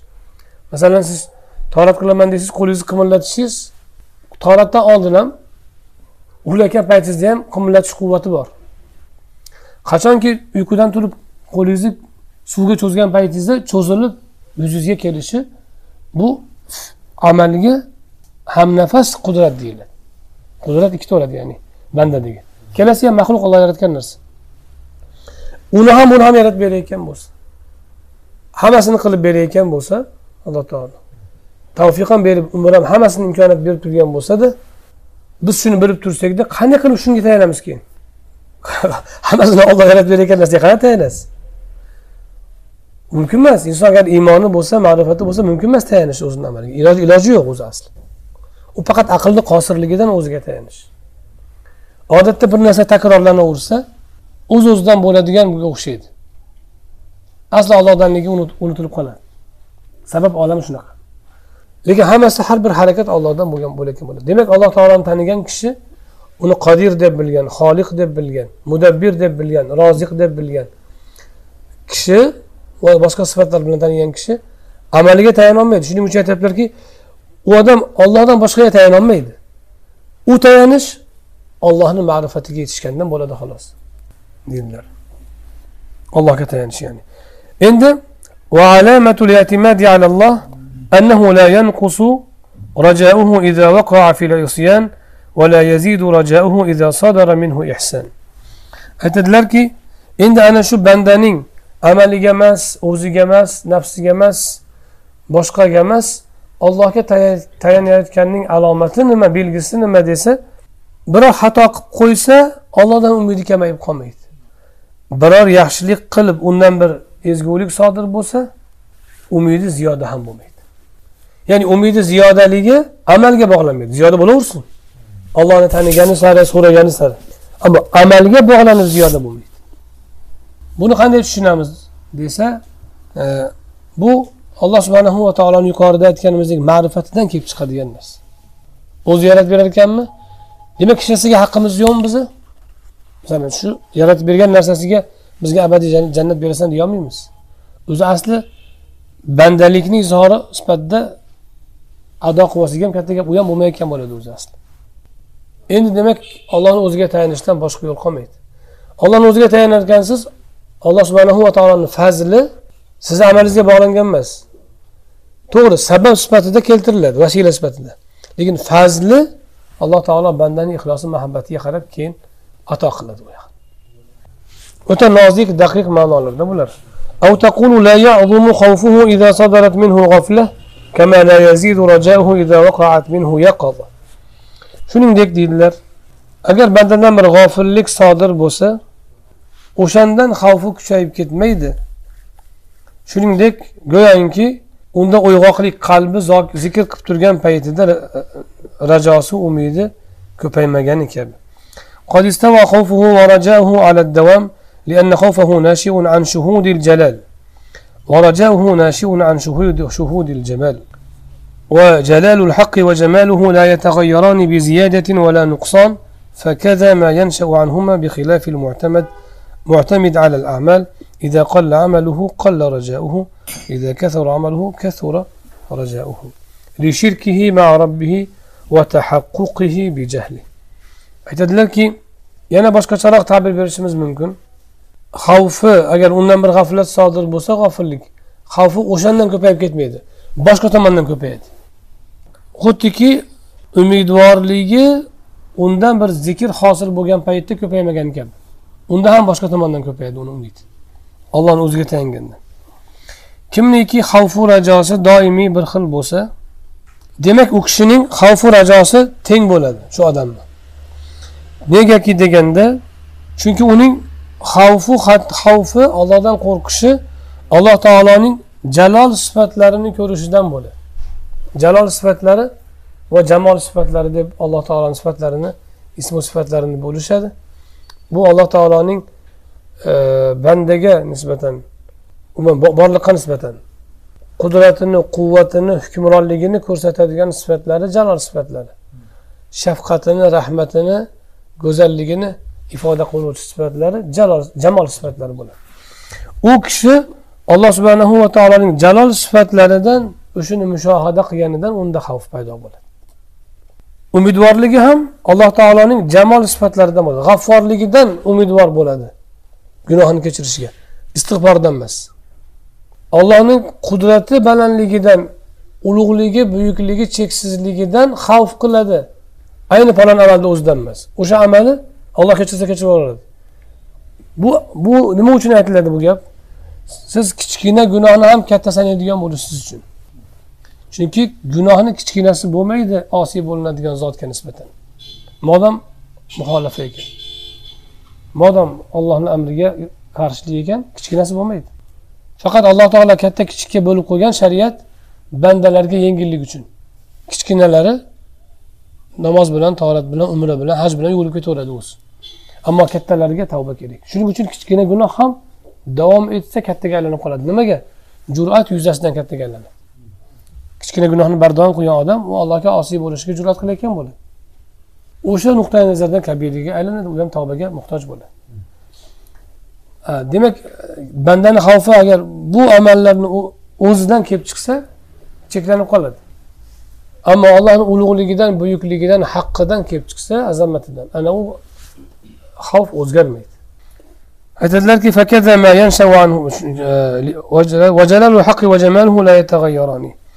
endi alloh taoloning jaloliy sifatlari ham jamoliy sifatlari ham o'zgarmaydi. U g'afforni g'afforligicha qoladi. Qahhorni qahhorligicha qoladi. G'afforligi bir oshib bir kamaymaydi. Qahhorligi bir ortib bir ozaymaydi.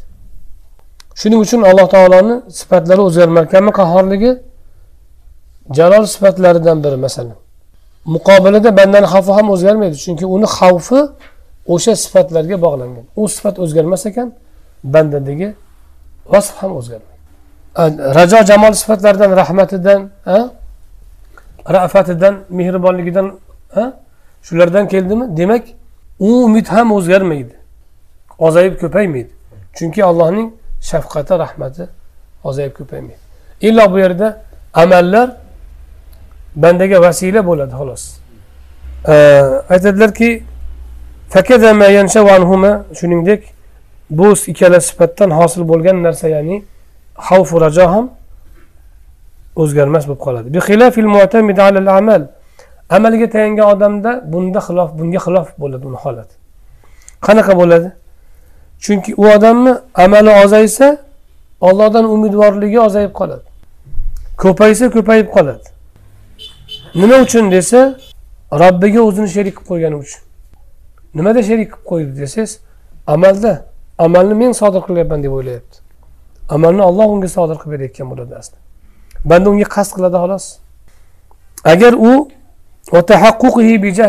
shuningdek u aniq johil bo'lgan unda johillik yuzaga kelganidan bu ولو فني عن نفسه وبقي بربه لاستراح من تعبه وتحقق بمعرفة ربه agar o'zidan foniy bo'lganda edi robbi bilan boqiy bo'lganda edi bunaqangi qiyinchiliklardan u qutulgan bo'lardi va robbining ma'rifatini egallagan o'zlashtirgan bo'lardi deydilar endi bu yerda aytmoqchi bo'lgan gaplar demak banda amal qilmasin emas qilsin Amalga tayanmasin amal bandalikni izhori bo'lsin.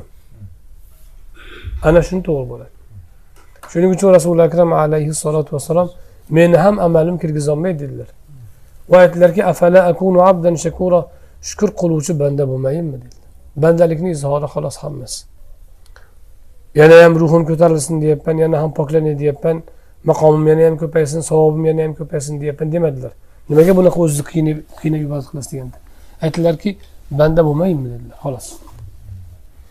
Shu banda bo'lmayinmi degan so'zlaridan mana shu ma'no keladi amalga tayanmasliklari amal bandalikni faqat izhori ekan. Faqat bandalikni izhori xolos. Hikmat davomini endi inshaalloh keyingi safar davom ettiramiz. Qisqaroq qilib xulosa qilib qo'yamiz. Shu kelgan joyimizgacha bo'lgan narsani. Demak E, bu kishi bu kishi o'zi muqaddimani uzun berdilar shariat tariqat haqiqat tushuntirish uchun. O'zi shariat tariqat haqiqat haqida ilgari ham aytganmiz. Ulamolarni ta'riflari har xil. Tasavvuf istilohida bitta mushkula shuki ba'zi bir kalimalarni tarifi turlicha berilgan turlicha ishlatilgan. Masalan taqvoniki ham haqiqatniki ham. Bir kishi haqiqat deganda mana bu kishi muroqaba mushohada deb aytayotgan bo'lsalar muroqaba mushohada ma'rifat deb aytayotgan bo'lsalar boshqalar boshqacharoq aytgan. Ba'zilar haqiqat nima desa shariatga to'la insonning ichu tashi zohiru botini bo'ysunib shariat undan o'z o'zidan sodir bo'ladigan kishiga aylanish. Shariat allohni amrlari u odamdan o'z o'zidan sodir bo'ladigan. O'zini qiynash bilan emas urinish urintirish bilan emas. O'z o'zidan sodir bo'ladigan shariatni amallar masalan siz g'azabini chiqarsangiz so'kib yuboray deb tiyib o'tirmaydi o'zini. O'zi asli so'kish kelmaydi. Siz uni g'iybat qilsangiz men ham bir g'iybat qilay deyapmanu e, shu tilimni tiyamanda bo'lmasam gunohkor bo'lib qolamanda deb tilini tiymaydi o'zi g'iybat qilish unga asli suyuksiz bo'lib qolgan bo'ladi. O'zi g'iybat qilib o'zi asli qilmaydi mana shu shariat u kishini botinida tahaqquq ya'ni vujud topishligi shu haqiqat deyiladi. Ba'zi ulamolar shunday ta'riflagan imom robboniyni ta'riflari shu haqiqat tariqat shunga olib boruvchi vosita o'tgan safar aytganimizda. E, ba'zi ulamolar haqiqat deganda banda shariatni shunaqa qilib o'zida tadbiq qilsa alloh taolodan u bandaga sodir qilingan alloh taolodan u bandaga berilgan qilingan qaratilgan munosabatlar u odamda ma'rifat sodir bo'lishi yaqinlik hosil bo'lishi mana bular haqiqat bo'ladi. Deydi ba'zilar. Ana bu kishi shunga o'xshagan gapni aytganlar. Muroqaba mushohada ma'rifat uni sharhini aytdik. Aytmoqchi bo'lganim ba'zi istilohlar ikki uch xil ma'noda qo'llashadi. Uni siz jumlani umumiy oqimidan kelib chiqib bu yerda mana uni iroda qilyapti ekan deb belgilab olasiz. Mana shu ozgina bir muammosi bor. Ba'zan bir ta'rifda aytsak o'sha gapni o'sha siyoqiga oqimiga tushadi. Ammo ikkinchi o'rinda to'g'ri kelmay qoladi. U yerda narigi istilohni qo'llashayotgan bo'ladi uni endi shu ilm bilan shug'ullanib yurganlar malakasi hosil bo'lgandan keyin o'zlari o'z o'zidan ajralib ketishaveradi. O'zimizda ham masalan ba'zi lug'atlarimiz shunaqa ishlaydi.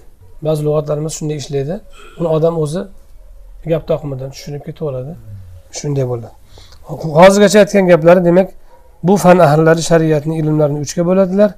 Zohiriy amallar qalb amallari va butun ruhni qamragan e, holat e, amal va hollar ma'rifatlar ular ham shariatni amallarini natijasi bo'lgani uchun qo'shiladi amallarga qo'shib aytishadi yoki natija sifatida aytishadi.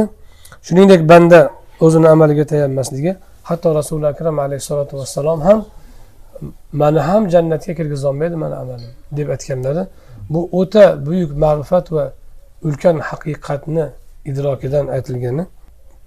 Endi hozir bu kishi keyingi darsda shu yergacha hozir aytdilar amalga tayanmaslik amalga tayanmaslik va allohni ma'rifatidan bo'lishi.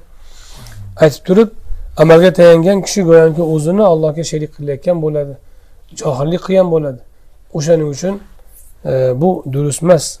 Lekin odam umidi ozayib ko'payayotganidan amalga tayanayotganini bilishi mumkin va o'zini to'g'irlab olishi kerak bo'ladi deb aytdilar. Lekin tushunmaslik kerakki gunohni qilib qilib umid qilib yuraversa bo'lar ekanda bo'lmasam deb tushunmaslik kerak undoq emas. Banda banda umidi bor ekan solih amaldan to'xtalmaydi. Gunoh qilolmaydi allohdan umidi bo'lsa hasan basriy aytganlarki ollohdan umidi bo'lganda amali chiroyli bo'ladi degan ollohdan umid amalni chiroyli qilishga olib boradi lekin bu yerdagi aytmoqchi bo'lingan narsa o'sha amalga tayanmaysiz. O'sha amaldan umidingiz ziyoda bo'lmaydi. Umidingiz allohni rahmatini o'ylab turib ziyoda bo'ladi. Mag'firatini bugun men mingta istig'for aytdim. Kechirib yubordi. Olloh xudo xohlasa kechirilib ketdi. Gunohim qolmadi. Yo'q demaysiz yo'q. Olloh kechirdimikin deysiz? Inshaalloh kechirdi deysiz. Mingta istig'for aytganingizdan emas g'afforligidan kechirgan deb bilasiz. Ammo mingta istig'forni g'afforligiga g'afforlik sifatini sizda joriy bo'lishi uchun iltijo sifatida aytasiz xolos. Tushunarlimi? Mana shu haqiqat bo'ladi. Mana shu alloh taologa bo'lgan muomalani to'g'risi bo'ladi. Alloh taolo o'zi tavfiq bersin. Keyingi darsda bu kishi shu hikmatni davom ettiradilar. E, komil shayx tutish haqida e, gapiradilar va bir e, mushkula tug'iladiki masalan qur'oni karimda qilgan amallaringiz uchun deb aytadiyu. Unga nima deb javob beramiz? Sabr qilganingiz uchun salamun alaykum bima sabartum. Jazaan bima kanu ya'malun. Qilgan amalingizni mukofoti deb aytadiyu qur'oni karimda. Nimaga amalga emas bo'lmasam jannat? Gapingiz to'g'ri kelmayaptiyu qur'onga? Degan bir e'tiroz bo'lsa o'shanga javob bor. Inshaalloh keyingi darsda o'shani bayon qiladilar. Subhana robbika robbil izzati amma yasifun va salamun alal mursalin valhamdulillahi robbil alamin.